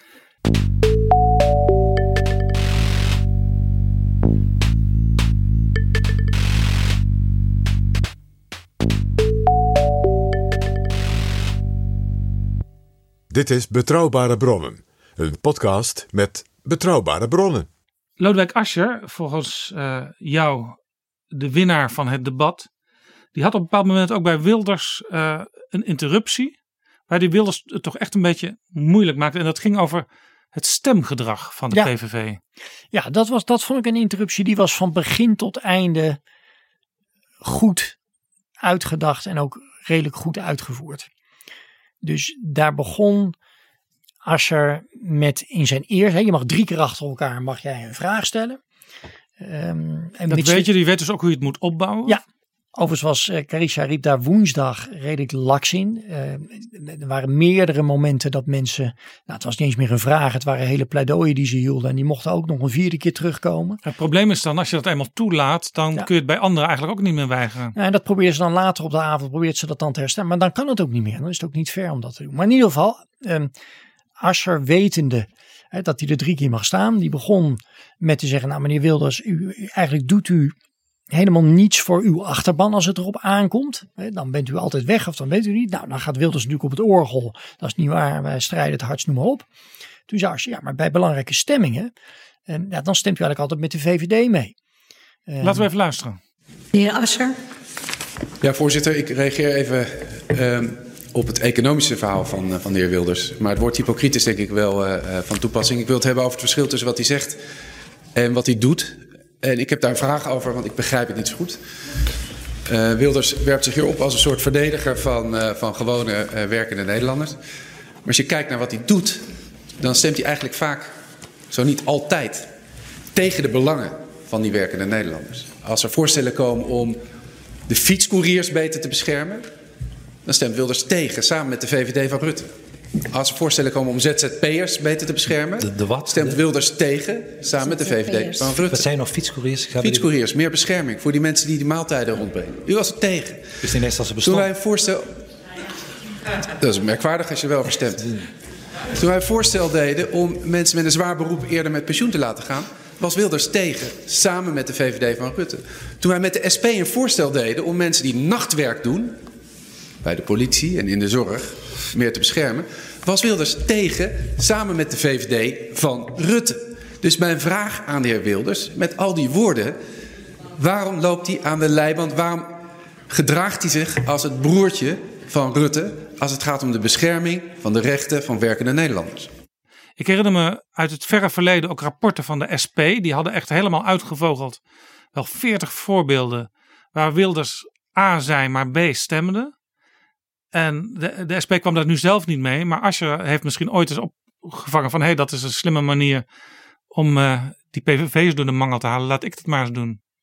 Ja, en dat pakte redelijk goed uit. En daar zag je dat Wilders. En vooral omdat je dan een goede vraag hebt, zoals we net hoorden. Als je daar dan vast aan houdt, dan opeens zie je als kijker thuis ook: hé, hey, hier is iemand echt uh, ja, in, paniek aan het wegdraaien. Of die, die, die wil een vraag niet beantwoorden. Of je kon echt wel zien dat Wilders daar dat hij toch wel moeilijk had. En wat doet Wilders dan? Dan gaat hij natuurlijk steeds harder roepen en dan gaat hij het verwijt terugleggen. dat is het, nou, wat we net hoorden, wat hij natuurlijk eerst deed. Ja, maar u in uw tijd, toen was het helemaal erg toen u regeerde. Um, en als je blijft dan rusten, ja, maar daar hadden we het nu niet over. Nou, precies zo. En dat is een slimme strategie. Maar het begint dus met die slimme goede vraag bedenken. Ja. We hadden het over Wilders. Sterk debater. Er is natuurlijk een, een soort broertje van Wilders uh, opgestaan in 2017. Die heet Thierry Baudet. Die heeft voor een deel dezelfde opvattingen. Die heeft wel een heel andere aanpak. Hoe deed die het in dit debat? Moet ik er even bij zeggen. Hij zat een beetje lastig dat hij wel natuurlijk gedurende de eerste dag al kon interromperen. Maar dat hij pas ongeveer tegen het einde, tegen middernacht, zelf aan het woord kwam als leider van een kleine tweemansfractie. Ja. Ja, daarvan zou je kunnen zeggen dat is inderdaad een nadeel. Om maar direct antwoord te geven op de vraag. Ik denk dat hij achteraf blij is dat hij zijn verhaal later in de avond verteld heeft. Want ik, ik vond het geen sterk betoog. En wat hij deed was dat hij allemaal sheets had meegenomen met grafieken. Ehm, in mijn herinnering een stuk of twintig, maar misschien zijn het er tien geweest, maar het waren er heel veel. En die ging die in een hoog tempo, liep die ze allemaal langs. Hield ze dan heel even omhoog. Ja, het, het ging eigenlijk over de schaamte van tien jaar Rutte. En hij gaf allemaal voorbeelden van dingen die volgens die grafieken allemaal een totale puinhoop waren geworden. Deed me trouwens ook denken aan de puinhopen van Paars. Hè? Het boek van Pim Fortuyn. En zo had Thierry Baudet nog een aantal dingen. Hij had het over Nederland eerst, America first. En hij noemde eh, Dijkhoff Klaas Winterslaap. Deed me denken aan Sleepy Joe. Hij is dus echt een copycat, die Thierry Baudet. Zo had ik er niet naar gekeken, maar dat is wel leuk. Dat, uh, uh, dat zou zomaar kunnen, dat ze het op die manier gedaan hebben. Maar het, het, um, het was retorisch ook niet slim. Want hij, als hij ervoor kiest om die grafieken te laten zien, dan moet je die grafiek ook leidend maken. Dan moet, dat, dan moet dat echt je verhaal zijn. Maar nu was het en een verhaal en allemaal grafieken die in een no-tempo voorbij gingen, waardoor je of naar de grafiek aan het kijken was, of je was naar het verhaal aan het luisteren. En allebei was rommelig. Ja, en ik had bijna het idee, hij laat ze zo snel zien, zodat niemand ze echt ziet. Nou ja, ik heb uiteraard zeer eh, geconcentreerd gekeken. En wat mij opviel, was dat de x-as, daar kon je heel helder zien 2010 tot en met 2020. Tien jaar Rutte. En de y-as, die natuurlijk verklaart wat die grafiek nou eigenlijk precies doet, dat was niet leesbaar. Dat was heel dun gedrukt. Ja, je weet dan nooit precies waar het begint en waar het eindigt. En eh, laat staan waar je het mee kunt vergelijken. En daar kwam een hele slimme uh, interruptie. Um, schiet mij nu te binnen van uh, Azarkan. Um, die die ook nog weer iets beter had kunnen uitwerken. Maar het idee was heel slim. Voorzitter, ik weet nog uit de tijd dat ik uh, college volgde. Het, statistiek is altijd gevaarlijk. Hè? Je hebt kleine leugens, grote leugens, statistieken. Met statistiek kun je eigenlijk heel veel dingen bewijzen. Dan zag ik een statistiek van mensen waarvan de heer Baudet zei dat zij de meeste in Nederland zijn gekomen. Zijn er ook mensen vertrokken? De heer Baudet. Er zijn ook mensen vertrokken. Tuurlijk. En hoe ziet dat er dan uit in die grafiek? Dus hoe ziet, want eigenlijk gaat het, is, is het eerlijker als je zegt wat het saldo is. Het, nee, heeft geen niet... zin, het heeft geen zin om te zeggen, er zijn mensen gekomen, er zijn ook wel mensen weggegaan, maar dat laat ik niet zien. Dat is niet waar. Ten eerste uh, is het zo dat uh, het netto, dus als je de, de mensen die vertrokken zijn aftrekt van de mensen die zijn gekomen, netto zijn er meer mensen, veel meer mensen naar Nederland gekomen dan dat er zijn vertrokken. Dus netto gaat het nog steeds over 4 tot 500.000 niet-westerse immigranten. Maar je moet ook een heel, het is heel belangrijk, wij, een van de dingen die wij niet meten en die ik wel zou willen meten, is de lange termijn performance van immigranten. Er is namelijk heel veel reden om aan te nemen dat juist de mensen die vertrekken. Nou, en daar ging Baudet al direct een beetje stuntelen. Van ja, nou ja, maar dan moet je dat salderen. En dan als je dat doet, dan, ja, dan zal je zien dat het nog steeds een hoop is. Maar dan, dan heb je al een beetje ingeboet aan kracht. Dus het was gewoon een rommelig verhaal. Ja, als je Thierry Baudet de week voor de beschouwingen had uh, gevolgd in zijn filmpjes, want hij heeft er nogal wat. Heeft twee televisie, tussen aanhalingstekens uitzendingen per week tegenwoordig in zijn eigen studio. Uh, dan had je de meeste van die grafieken al kunnen zien langskomen. En wat me opviel was dat blijkbaar geen, enkel, geen enkele fractievoorzitter uh, er echt fiducie in had om daar dan eens even flink over te gaan doorzagen. Want dan had je natuurlijk al inderdaad kunnen zien dat die ei als niet duidelijk was en dat het een niet met het ander te vergelijken was. Speelde hier dat ze dachten van het is een beetje later op de avond. Als wij gaan interrumperen, dan is er kans dat dat misschien toch nog wel ergens wordt uitgezonden. Ja, dan geven we hem een podium. Dus uh, ja, je hebt twee strategieën. Je kan, kijk, Wilders die maakt het altijd zo grof, daar moet je wel op reageren. Dus daar voelen partijen zich gewoon verplicht, hier moet ik iets mee. Maar de manier hoe Baudet uh, woensdagavond aan het razen was, ja, dat kan je ook laten lopen. Een ja, krant waar Baudet het misschien toch een beetje van zou moeten hebben, de Telegraaf. Die schreef donderdagochtend: Het was een verdrietige poging om te laten zien dat hij er ook nog was. En dat doelde de Telegraaf ook op interrupties die Thierry Baudet plaatste bij Wilders. En die hij zelf steuninterrupties ja. noemde. Ja, dat was een. Uh, dat is waar. En dat was ook iemand die daar een hele grappige interruptie op deed. Volgens mij was dat Jesse Klaver. Die uh, nadat Baudet zijn steuninterruptie had gedaan. Het was Klaver of Jette die naar de microfoon liep en, en, met een eigen interruptie kwam. En die zei, nou we zijn hier nu al 2,5 uur met Geert Wilders bezig. En zelfs Baudet vond het een beetje veel worden. Want die wil uiteindelijk dat het niet... Nee, we zijn 2,5 uur praten al over Wilders. Uh, en dat werd Baudet nu een beetje veel. Die wil toch in ieder geval dat zijn naam ook even genoemd werd. Dus zelfs die kwam nu toch nog even naar de microfoon. Om zijn eigen naam dan maar te noemen. Ja, en er gebeurde nog iets raars. Toen helemaal aan het einde van de eerste debatdag Wieberen van Haga aan het woord was. Een afgesplitste VVD'er die inmiddels lid is van Vorm voor Democratie. Maar nog wel als Wieberen van Haga als eenmansfractie in de Kamer zit. En dus eigen spreektijd heeft. Uh, die werd op een gegeven moment geïnterrumpeerd door zijn nieuwe partijgenoot uh, Thierry Baudet hij raakte er een beetje door in verwarring, die Wieberen van Haga. Dat was een raar moment. Het leek niet ja. afgesproken. Nee, nou sterker nog, dat zei Van Haga. Van Haga was sowieso al een beetje met een, een heel snel door zijn verhaal Laat, Laten we even luisteren hoe dat klonk. Ik ben net als kameraad Wilders uit de VVD gelazerd. Uh, het is trouwens bijna mijn jubileum, want uh, op de 24e is dat precies een jaar geleden. Uh, Gefeliciteerd. Ik denk dat het uh, helemaal beter is gegaan. Is afgesproken? Het, uh, nee, er is helemaal niks afgesproken. Okay. Was dat maar waar. Um, nee, heeft, heeft de VVD zitten slapen? Ik denk in de coronacrisis hebben we natuurlijk uh, heel veel mensen zien slapen. Er waren mensen die gingen in winterslaap. Uh, toen de coronacrisis uitbrak. En dat neem ik heel veel mensen heel erg kwalijk. Er waren ook mensen die waren ontzettend actief, uh, zoals minister De Jonge hier. Maar die deden verkeerde dingen. Dan helpt het natuurlijk ook niet. Dat is eigenlijk erger. Dan kun je beter zitten nee, slapen. Ja, dan kun je beter in slaap vallen. Nou, dank u wel, uh, meneer Van Hagen. Dank u wel. En daarmee zijn we ook aan het einde gekomen van de eerste termijn van de zijde van de Kamer. Het bleek dus dat Van Haga gewoon verrast werd door, door Baudet. Ja, wat hij zegt het zelfs letterlijk. Hè?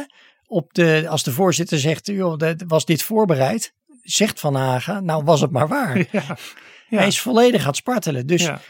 dat, dat merk je heel vaak bij Thierry Baudet. Dat hij ter plekke iets bedenkt. Hij heeft soms ook interrupties. Dan komt hij naar de microfoon en dan stelt hij een vraag van... Is het niet zo dat dit en dit en dat? En dan zegt degene aan wie de vraag staat, nou, dat zit zo en zo. En dan valt hij stil en dan zegt hij, oké. Okay. Ja. En dan loopt hij weg. Ja. Dus ja. Het, het komt in hem op. En... Ja, dus heel anders dan uh, bijvoorbeeld Ascher, die van tevoren al heeft bedacht. Als ik nou dit antwoord krijg, dan kan ik dat terugzeggen. En als ik een ander antwoord krijg, dan kan ik dat zeggen. En uh, deze conclusie wil ik eigenlijk uiteindelijk trekken. Ja, en je redt het. Ja, je, op dit niveau uh, red je het daar niet meer mee. Het schiet me opeens te binnen dat toen bij die provinciale statenverkiezingen in 2017 je dat één op één debat had tussen Baudet en, uh, en Rutte. Ja, in de Rode Hoed in Amsterdam. In de Rode, ja. Met, Grote televisiedebat. Ja. Georganiseerd door BNN-Vara. Daar zag je dat aan het begin Baudet het redelijk goed deed. Die had echt een paar keer dat hij nou, mooi zijn pitch kon doen. Maar ja, zo'n debat duurt een uur en dan gebeuren er ook onverwachte dingen. Dan moet je op een gegeven moment ook gaan experimenteren. Ja, en toen blies hij zichzelf op. Of dan, dan heeft hij niet de concentratie, of dan heeft hij het niet zorgvuldig genoeg voorbereid. En, en dan doet hij maar wat. Hè? Bijvoorbeeld die vraag om meneer uh, Rutte, wanneer heeft u voor het laatst gehuild? Kwam toen opeens naar voren. Ja, dat is op zich wel een onverwachte vraag. Maar tegen iemand als Rutte, ja, die, die gaf daar een heel goed antwoord op. Ja. En weg was het. Iemand die nooit zomaar wat doet is Kees van der Staaij van de SGP. Uh, die wordt ook wel eens een beetje als het staatkundig geweten van de Kamer gezien. Hè? Als er grote uh, vraagstukken zijn. Uh, of als er bijvoorbeeld een crisis is waar staatkundige vragen bij betrokken zijn. Dan heeft hij meestal wel een, een goede tekst daarbij. hij heeft de laatste jaren ook vaak dat hij met iets komt naar de zaal. Hij heeft wel eens foto's meegenomen. nu nam hij een doos mee en daar bleek een ijsvogel in te zitten. Wat was dat? Ja, hij begon zijn verhaal met dat op het plein een standbeeld staat van Willem van Oranje. En in een detail in dat standbeeld zit een ijsvogel. En... Het ging ook over de rust van Willem van Oranje, dat hij wel overwogen besluiten nam. Ja, en dan hè, die, en daar zat een Latijnse spreuk bij, die ik me natuurlijk nu niet meer kan herinneren, maar die staat de rust in de woelige wateren. Um, iets in die richting. En ik moet eerlijk zeggen dat ik het daarna een beetje aan het verliezen ja, was. Wat ik me nog herinner is dat die ijsvogel die werd eigenlijk overhandigd via de voorzitter aan het kamerpersoneel. Dus zeg maar de mensen, de, de bodes, de restaurantmedewerkers en zo, die al die tijd in de coronatijd toch uh, op een andere manier uh, de boel ondersteund hebben. Nou, dat was natuurlijk ja. reden eigenlijk wel voor een soort van applaus van, van, de, van de medeleden. Uh, maar dat was het dan ook. En ja, iedereen keek even, dus er, er, leek iets te gebeuren. Ja, maar dat het is eigenlijk vind ik het zelf inmiddels. Nou, jij net al, ik doe die prijs sinds 2008 en ieder jaar doet hij zoiets. En um, het is effect wel een beetje aan het verliezen. Ook omdat het nu, ja, het stierf een beetje in schoonheid. Want het verhaal ging maar door en, en het duurde heel lang voordat nou duidelijk werd welke kant hij op wilde. En toen was het toch echt al rond middernacht.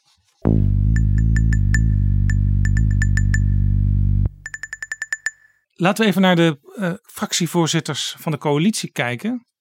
Klaas Dijkhoff, die mocht als tweede spreken. VVD natuurlijk uh, de grootste partij. En die laat de oppositie, in dit geval Wilders, voorgaan.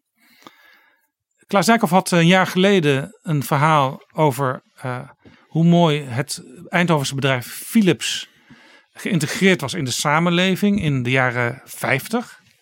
En iedereen in Eindhoven, of hij er nou werkte of niet, had iets met dat bedrijf. Dat is helaas voorbij, was een beetje zijn betoog toen. Uh, nu ging hij erop door eigenlijk, door over zijn eigen jeugd te beginnen. Want dat was natuurlijk niet in de jaren 50, dat was in de jaren 90. Daar had hij een verhaal over.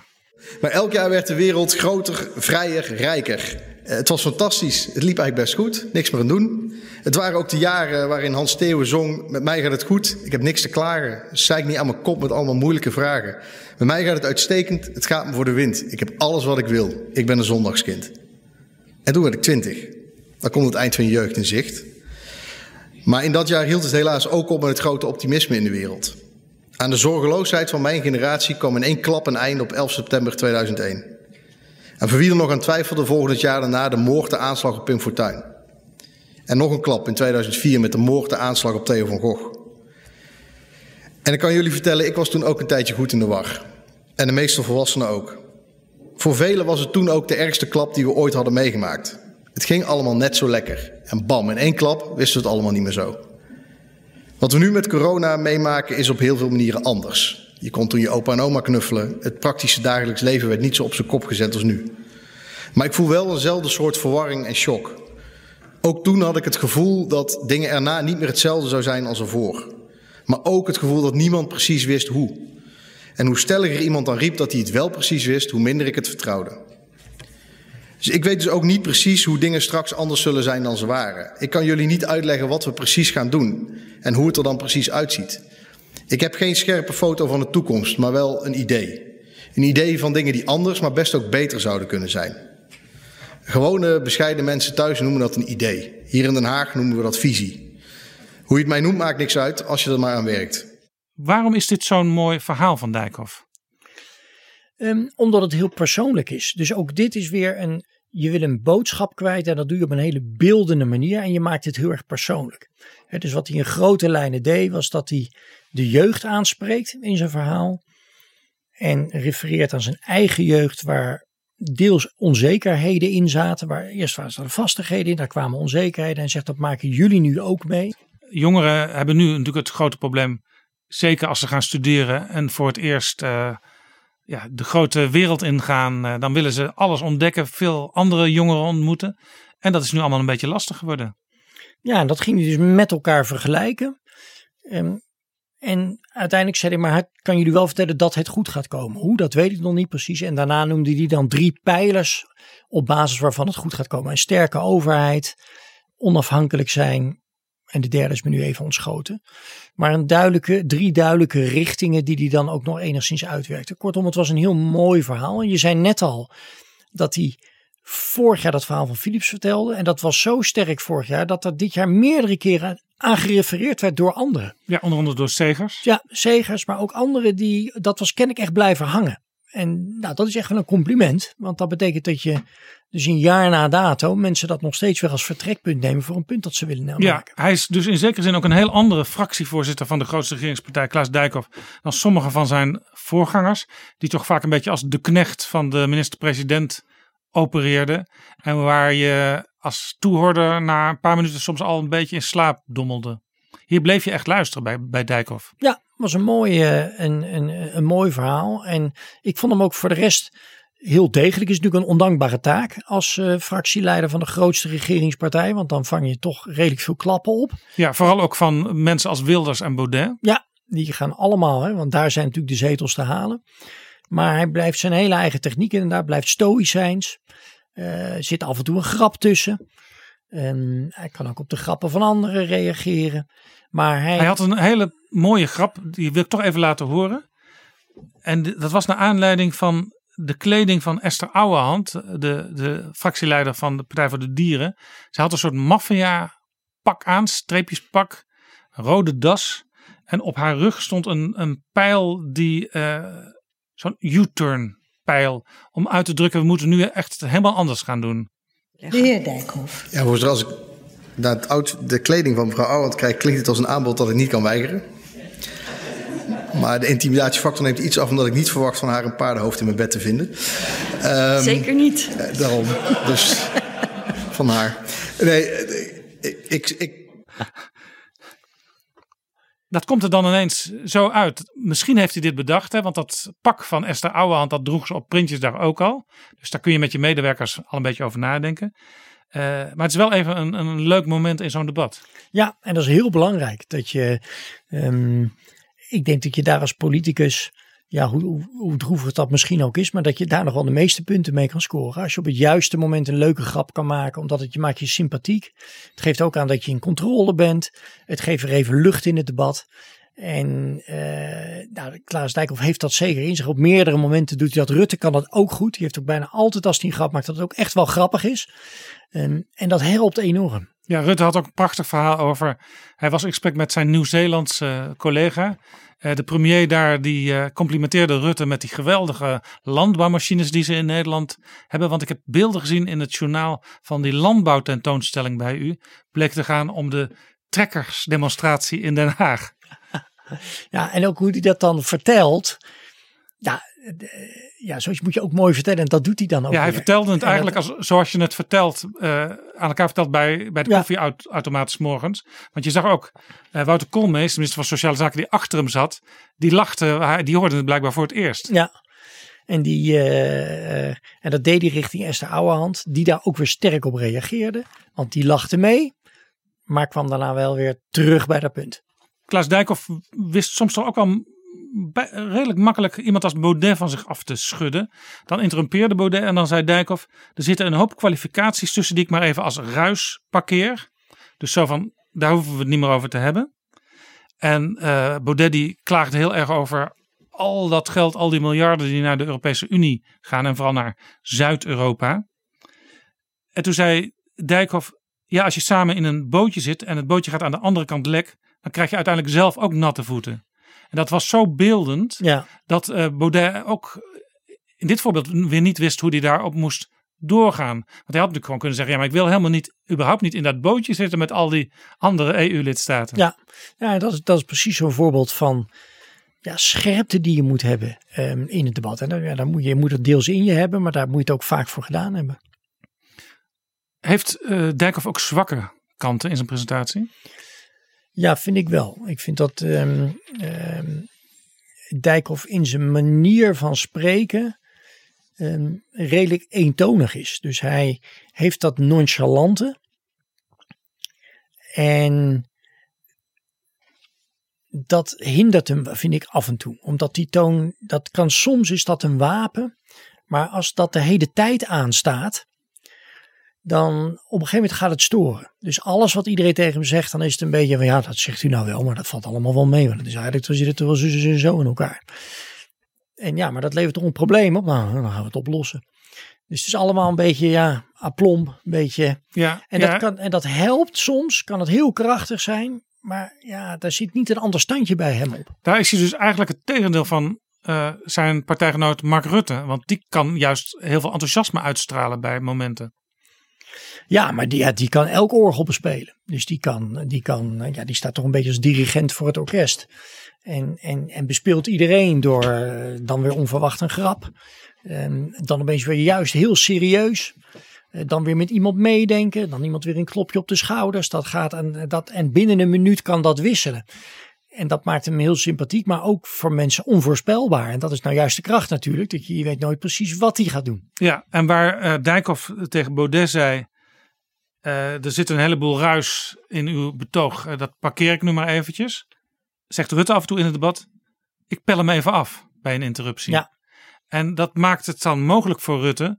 om ook bepaalde blokjes eigenlijk ook naar de zijkant te laten verdwijnen. Ja.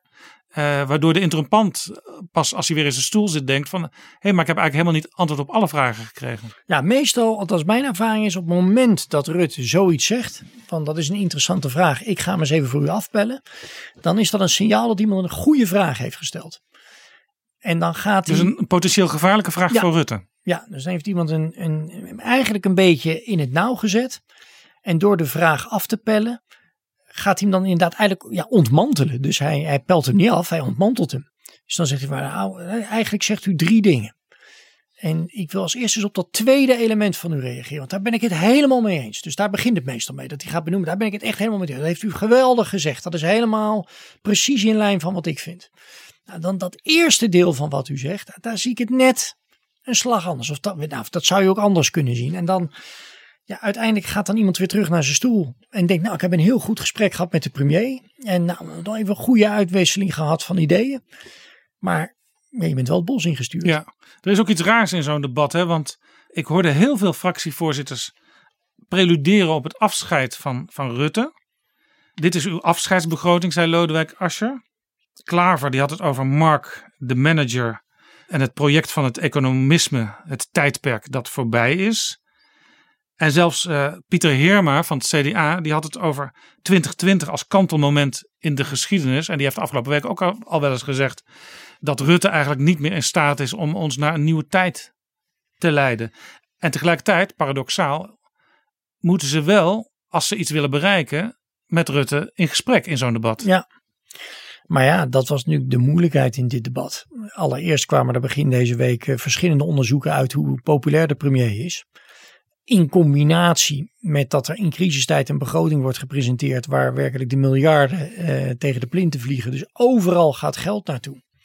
Ja. Alle wensen eigenlijk eh, die jarenlang eh, tegen de rotsen kapot vielen, die kunnen nu op korte termijn gehonoreerd worden. Ja, dus het was ook op voorhand al ongelooflijk moeilijk als oppositie om hier nou eens hard tegen de premier te zijn, want hij is razend populair. Eh, En hij geeft heel veel geld uit aan iedereen. Dus dan is het enige wat nog rest, is zeggen we nou dat heeft hij allemaal heel goed gedaan en we zijn trots op en dat is heel knap, maar ja, nu is toch weer wat nieuws nodig. Ja, als je trouwens die onderzoeken bekijkt, hè, hij blijkt dus populair ook bij mensen die Partij van de Arbeid of GroenLinks stemmen. Uh, maar hij blijkt toch niet zo populair bij mensen die uh, PVV en uh, Thierry Baudet stemmen. Is dat ook een reden dat het eigenlijk Rutte niet meer zo heel veel doet als die vanuit die rechterflank aangevallen wordt? Ja, want dan heeft hij kennelijk uh, ja, de conclusie getrokken dat daar niet zoveel te halen valt. Dus Blijkbaar zijn daar een aantal vaste uh, zetels. Ja. Uh, waar wat stijgingen en waar wat dalingen kan zitten. Maar het is effect of life dat die partijen er ja. zullen zijn.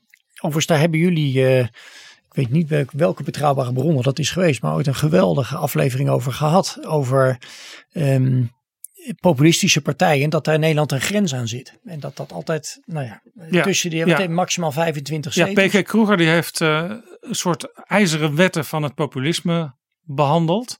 Ook over de landsgrenzen heen. Hè. Gekeken naar Frankrijk, naar Italië, naar Duitsland en naar Nederland in de geschiedenis. En er blijken eigenlijk steeds een aantal elementen uh, terug te keren.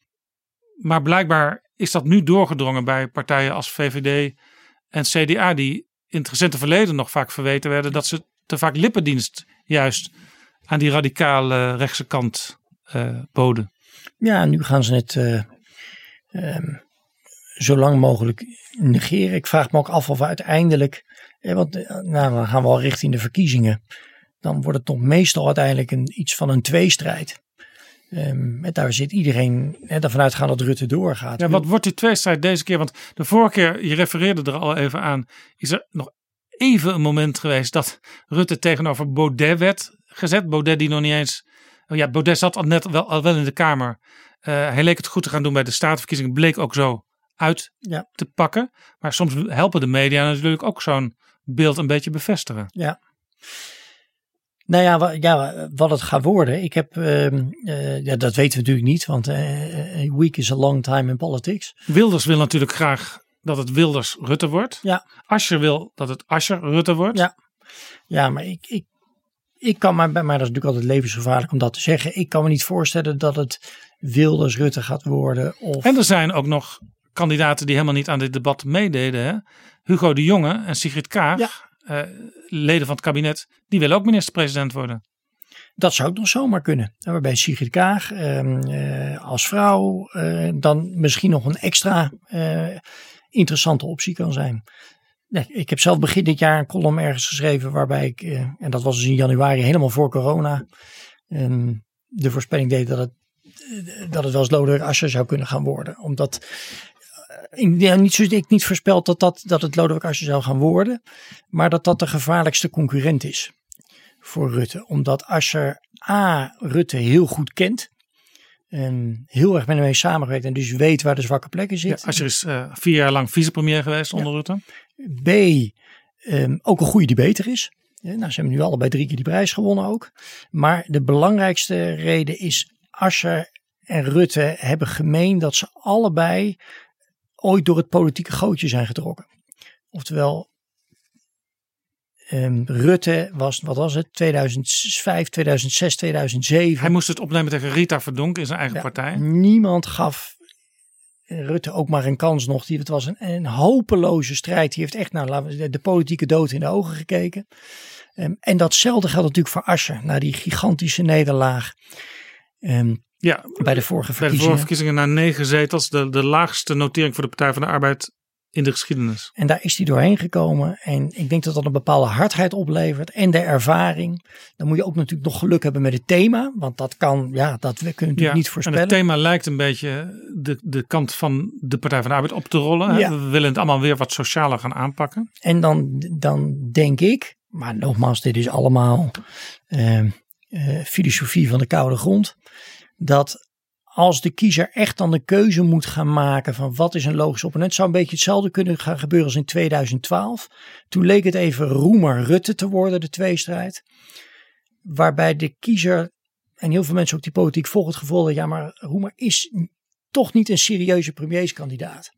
En die viel toen binnen een week helemaal weg. Ja, er was ook één debat wat daar cruciaal in was, een televisiedebat van ja. RTL. Waar Rutte eigenlijk uh, Roemer overblufte. Roemer had even niet paraat hoe het werkelijk zat met zorgkosten. En had hij dat wel geweten, dan had het anders kunnen aflopen. Ja. Maar hij verdween eigenlijk eh, roemloos van dat toneel toen. Ja. 75% van de mensen gaat al vooruit. Als Dus je die wijk- meer dan 90.000 euro betaalt, mag Dus je die wijkverpleegkundigen En twee- en die leren aan het HBO, dat zijn voor u er- grootverdieners? Nee, maar dan begrijp ik het verschil Ik van zet mening. er een fles wijn Ik op vind de als wijkverpleegkundige en de leren aan het HBO geen grootverdiener. U blijkbaar wel. Die gaat 2000 euro meer betalen, meneer Roemer. De en tweede keer dat u dat zegt, het is niet waar. Het is gewoon niet waar wat u zegt. Het is absoluut u moet, waar. U Het moet is gewoon u moet doorgegeven. geen dingen in de mond leggen die niet kloppen. Maar eigenlijk de conclusie is, eh, wie gaat het tegen wie opnemen? Dat is nu nog te vroeg, een half jaar voor de verkiezingen, om te zeggen. Maar ik denk dat als uiteindelijk die kiezer dan moet gaan kiezen, dan kan ik me niet voorstellen dat ze Baudet dan wel Wilders een serieuze eh, minister-presidentskandidaat vinden. En dan kan opeens, dan moet er een alternatief zijn. En eh, dan zou opeens een Asscher, maar misschien ook een Sigrid Kaag dan vanzelf in beeld komen. Ja, ja je zou eigenlijk kunnen zeggen, eh, van Wilders weten we, eh, ook door schade en schande wijs geworden de andere partijen, dat die eigenlijk nooit meer serieus in beeld zal komen als regeringspartner. Bij de afgelopen kabinetsformatie 2017 is dat zelfs op schrift door Sibrand Buma en eh, Mark Rutte aan de eh, informateur Cenk Willink eh, bevestigd dat het in ieder geval op dat moment en ook voor de foreseeable Ja. future niet aan de orde zou zijn. Dus, dus kan het ook eigenlijk niet zo zijn dat de media Wilders versus Rutte kunnen framen. Nee, en ik denk dat ehm, Wilders zelf ook niet echt zou willen regeren. Ik denk dat hij vele malen effectiever is in de rol die hij nu heeft en dat zelf ook ziet. Dan dat hij die verantwoordelijkheid moet gaan dragen. Want Ja. Dan, ja, dan, dan moet je toch uit een ander vaatje gaan Ja, tappen. Ik, ik, ik zeg overigens de hele tijd wie het tegen Rutte gaat opnemen, maar dat is het grote vraagteken natuurlijk in Den Haag. Eh, de VVD is de enige partij die nog geen lijsttrekker heeft. Klopt, maar het moet toch wel gek lopen. Wil Rutte ergens in dit najaar zeggen van nou ik heb er nog eens over nagedacht. Ik doe het niet, al was het maar. Omdat er dan niet een hele logische opvolger klaar Wat staat. mij deze week opviel, ik heb daar een column aangeweid op BNR, was dat Rutte eigenlijk verstrakte. En dat heb ik eerder niet gezien bij dat onderwerp. Toen hij door eh, de NOS, door BNR en ook door de kranten gevraagd werd. Gaat u eigenlijk zelf nog een keer de lijsttrekker worden? Hij ging heel erg benadrukken dat hij daar nog niet mee bezig was. Kan natuurlijk strategisch ook een reden hebben. Hè? Zo lang mogelijk daar niet mee bezig zijn. En eh, op het laatste moment in de arena springen klonk toch een beetje van ja, misschien is hij wel ook wijs geworden door bijvoorbeeld de biografie van, van Lubbers die onlangs eh, verschenen is, de memoires van Lubbers. Lubbers die in zijn laatste jaar eigenlijk de kluts kwijtraakte. Te lang is doorgegaan, zegt iedereen die die periode heeft meegemaakt. Dat hebben we ook gezien bij mensen als Helmut Kohl, bij Margaret Thatcher. Rutte is historicus, die leest al die memoires. Hij heeft alles gezegd. Op een bepaald moment ben ik weg en dan zul je ook nooit meer van mij horen. Dat zou wel eens kunnen komen nu, voor of na de verkiezingen. Ja. Maar ja, dan zou hij toch het gevoel moeten hebben dat hij niet meer in controle is. Of dat hij er geen plezier meer in heeft. En ik moet zeggen dat ik daar donderdagmiddag maar weer opviel. Toen, ik denk dat het een uur of vier, vijf was. En die er alweer een paar uur stond. En Kadisha riep op een gegeven moment een beetje zuchtend. Zei van nou zijn we nu klaar met dit blokje. En kunnen we dan door naar het volgende blokje. En ik meen in de Kamer te bespeuren dat iedereen eigenlijk hoopte dat ze naar het volgende blokje konden gaan. En dat Rutte daar eh, vol enthousiasme zei. Nee, voorzitter, ik moet nog even vraag zoveel, zoveel, zoveel en zoveel doen. Ja, ja dat, zegt hij ook, dat zegt hij ook wel. Ik heb er nog altijd heel veel plezier. Maar het kan natuurlijk zijn dat je denkt, in het belang van het land, in het belang van mijn eigen partij, op een bepaald moment moet je weg zijn. Ja, zoals die overkomt, is het niet iemand die hecht aan het ambt in de zin van de status. Ik geloof wel dat als hij zegt op een gegeven moment stop ik en dan ben ik ook echt weg, dan zie ik hem dat ook wel doen. Zonder enige wrok of enige, eh, dan is nou, zoals hij altijd zegt, het is een baantje. Ja, dat is een mooi woord richting het einde van deze aflevering. Over Pieter Heerma en Rob Jette hebben we het eigenlijk niet gehad, maar dat is misschien ook wel hun tragiek. Hè? Hun partijen hebben eh, een andere lijsttrekker aangewezen. Ja, en ik vond, eh, nou omdat toch nog, Herma vond ik eh, dat hij het een stuk beter al deed dan vorig jaar. Vorig jaar redelijk nerveus. Ja, dat is dus een voorbeeld van leren tijdens Ja, de job. Maar ook iemand, en dat valt ongelooflijk te prijzen, die vanaf dag één heeft gezegd: ook ik ben gewoon een tussenpauze. Dit is niet, dit moet ik niet. Ik ben beter in andere dingen. En dat valt natuurlijk enorm te prijzen. En in die zin heeft Rob Jetten natuurlijk ook eigenlijk van begin af aan gezegd, nou ik ga dit nu doen met veel enthousiasme. Ehm, maar voor zover ik het kan overzien is die ook weer van het podium afgestapt. Misschien ook omdat hij zag dat Sigrid Kaag ehm, eh, beter lag bij de achterban. Maar zonder enige wrok, dienstbaar aan de partij. En dan maar weer een andere rol. En dat, dat zijn in zekere zin ook grootse politici. Ik noemde haar al even Esther Ouwand van de Partij voor de Dieren. Zij had de moeilijke taak om Marianne Thieme op te volgen deze periode. Zij kon misschien wel weer uh, profijt trekken van eh, het coronavirus. Uh, waarvan ze in het debat zei dat kwam aanvliegen als een zwarte zwaan. Zo'n zwaan waarvan je denkt dat komen we nooit tegen. En zij is natuurlijk van de partij die altijd al gezegd heeft dat de intensieve veehouderij moet stoppen, waar ook allerlei besmettingsbronnen zitten. Ja, dus de Partij voor de Dieren heeft sowieso de wind mee, zou je kunnen zeggen. Zij stond er inderdaad voor het eerst. Is natuurlijk wel een heel ervaren Kamerlid. Volgens mij al sinds 2006, toen de Partij voor de Dieren in de Kamer kwam, zat zij er al bij. Um, en, maar stond hier wel voor het eerst als fractieleider en tevens lijsttrekker. En ik vond dat ze dat goed deed. Een goed, goede eigen bijdrage. Een helder verhaal. Ook redelijk los van papier. Dus, um... Ik had ook het idee dat zij coöperatiever in de wedstrijd stond naar het kabinet toe en naar de andere fracties uh, dan Marianne Thieme. Ja, en wat meer ook de, uh, nou ja, de, de, de muziek van het debat meespeelde. Dus de, ook mee kon lachen en dan tegelijkertijd wel weer serieus kon terugschakelen. Wat scherper in daar interrupties dan dat we van Marianne Thieme um, gewend waren. En ik heb ook het gevoel dat ze iets meer van een gunfactor heeft. Dus daar waar Marianne Thieme nog wel eens toch werd weggezet, ook door Rutte, dat hij dat bij Esther Ouwand wat minder deed. Roderick van Grieken, mag ik jou hartelijk danken voor dit gesprek. En laat ik afsluiten met een citaat van Klaas Dijkhoff. Het zijn verwarrende tijden, maar het komt echt goed. Prachtig.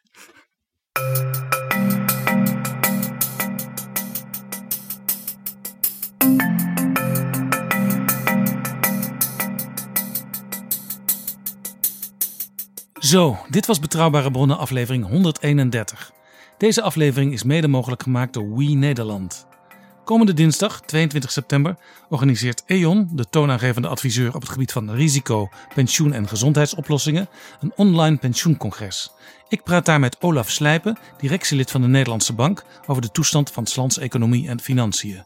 Als je die opname live online wil volgen, moet je even een kijkje nemen via de link in de beschrijving van deze aflevering. Het gesprek met Olaf Slijpen komt volgende week ook in Betrouwbare Bronnen. Dit was het voor nu, tot de volgende keer. Betrouwbare Bronnen wordt gemaakt door Jaap Jansen in samenwerking met dag en nacht.nl.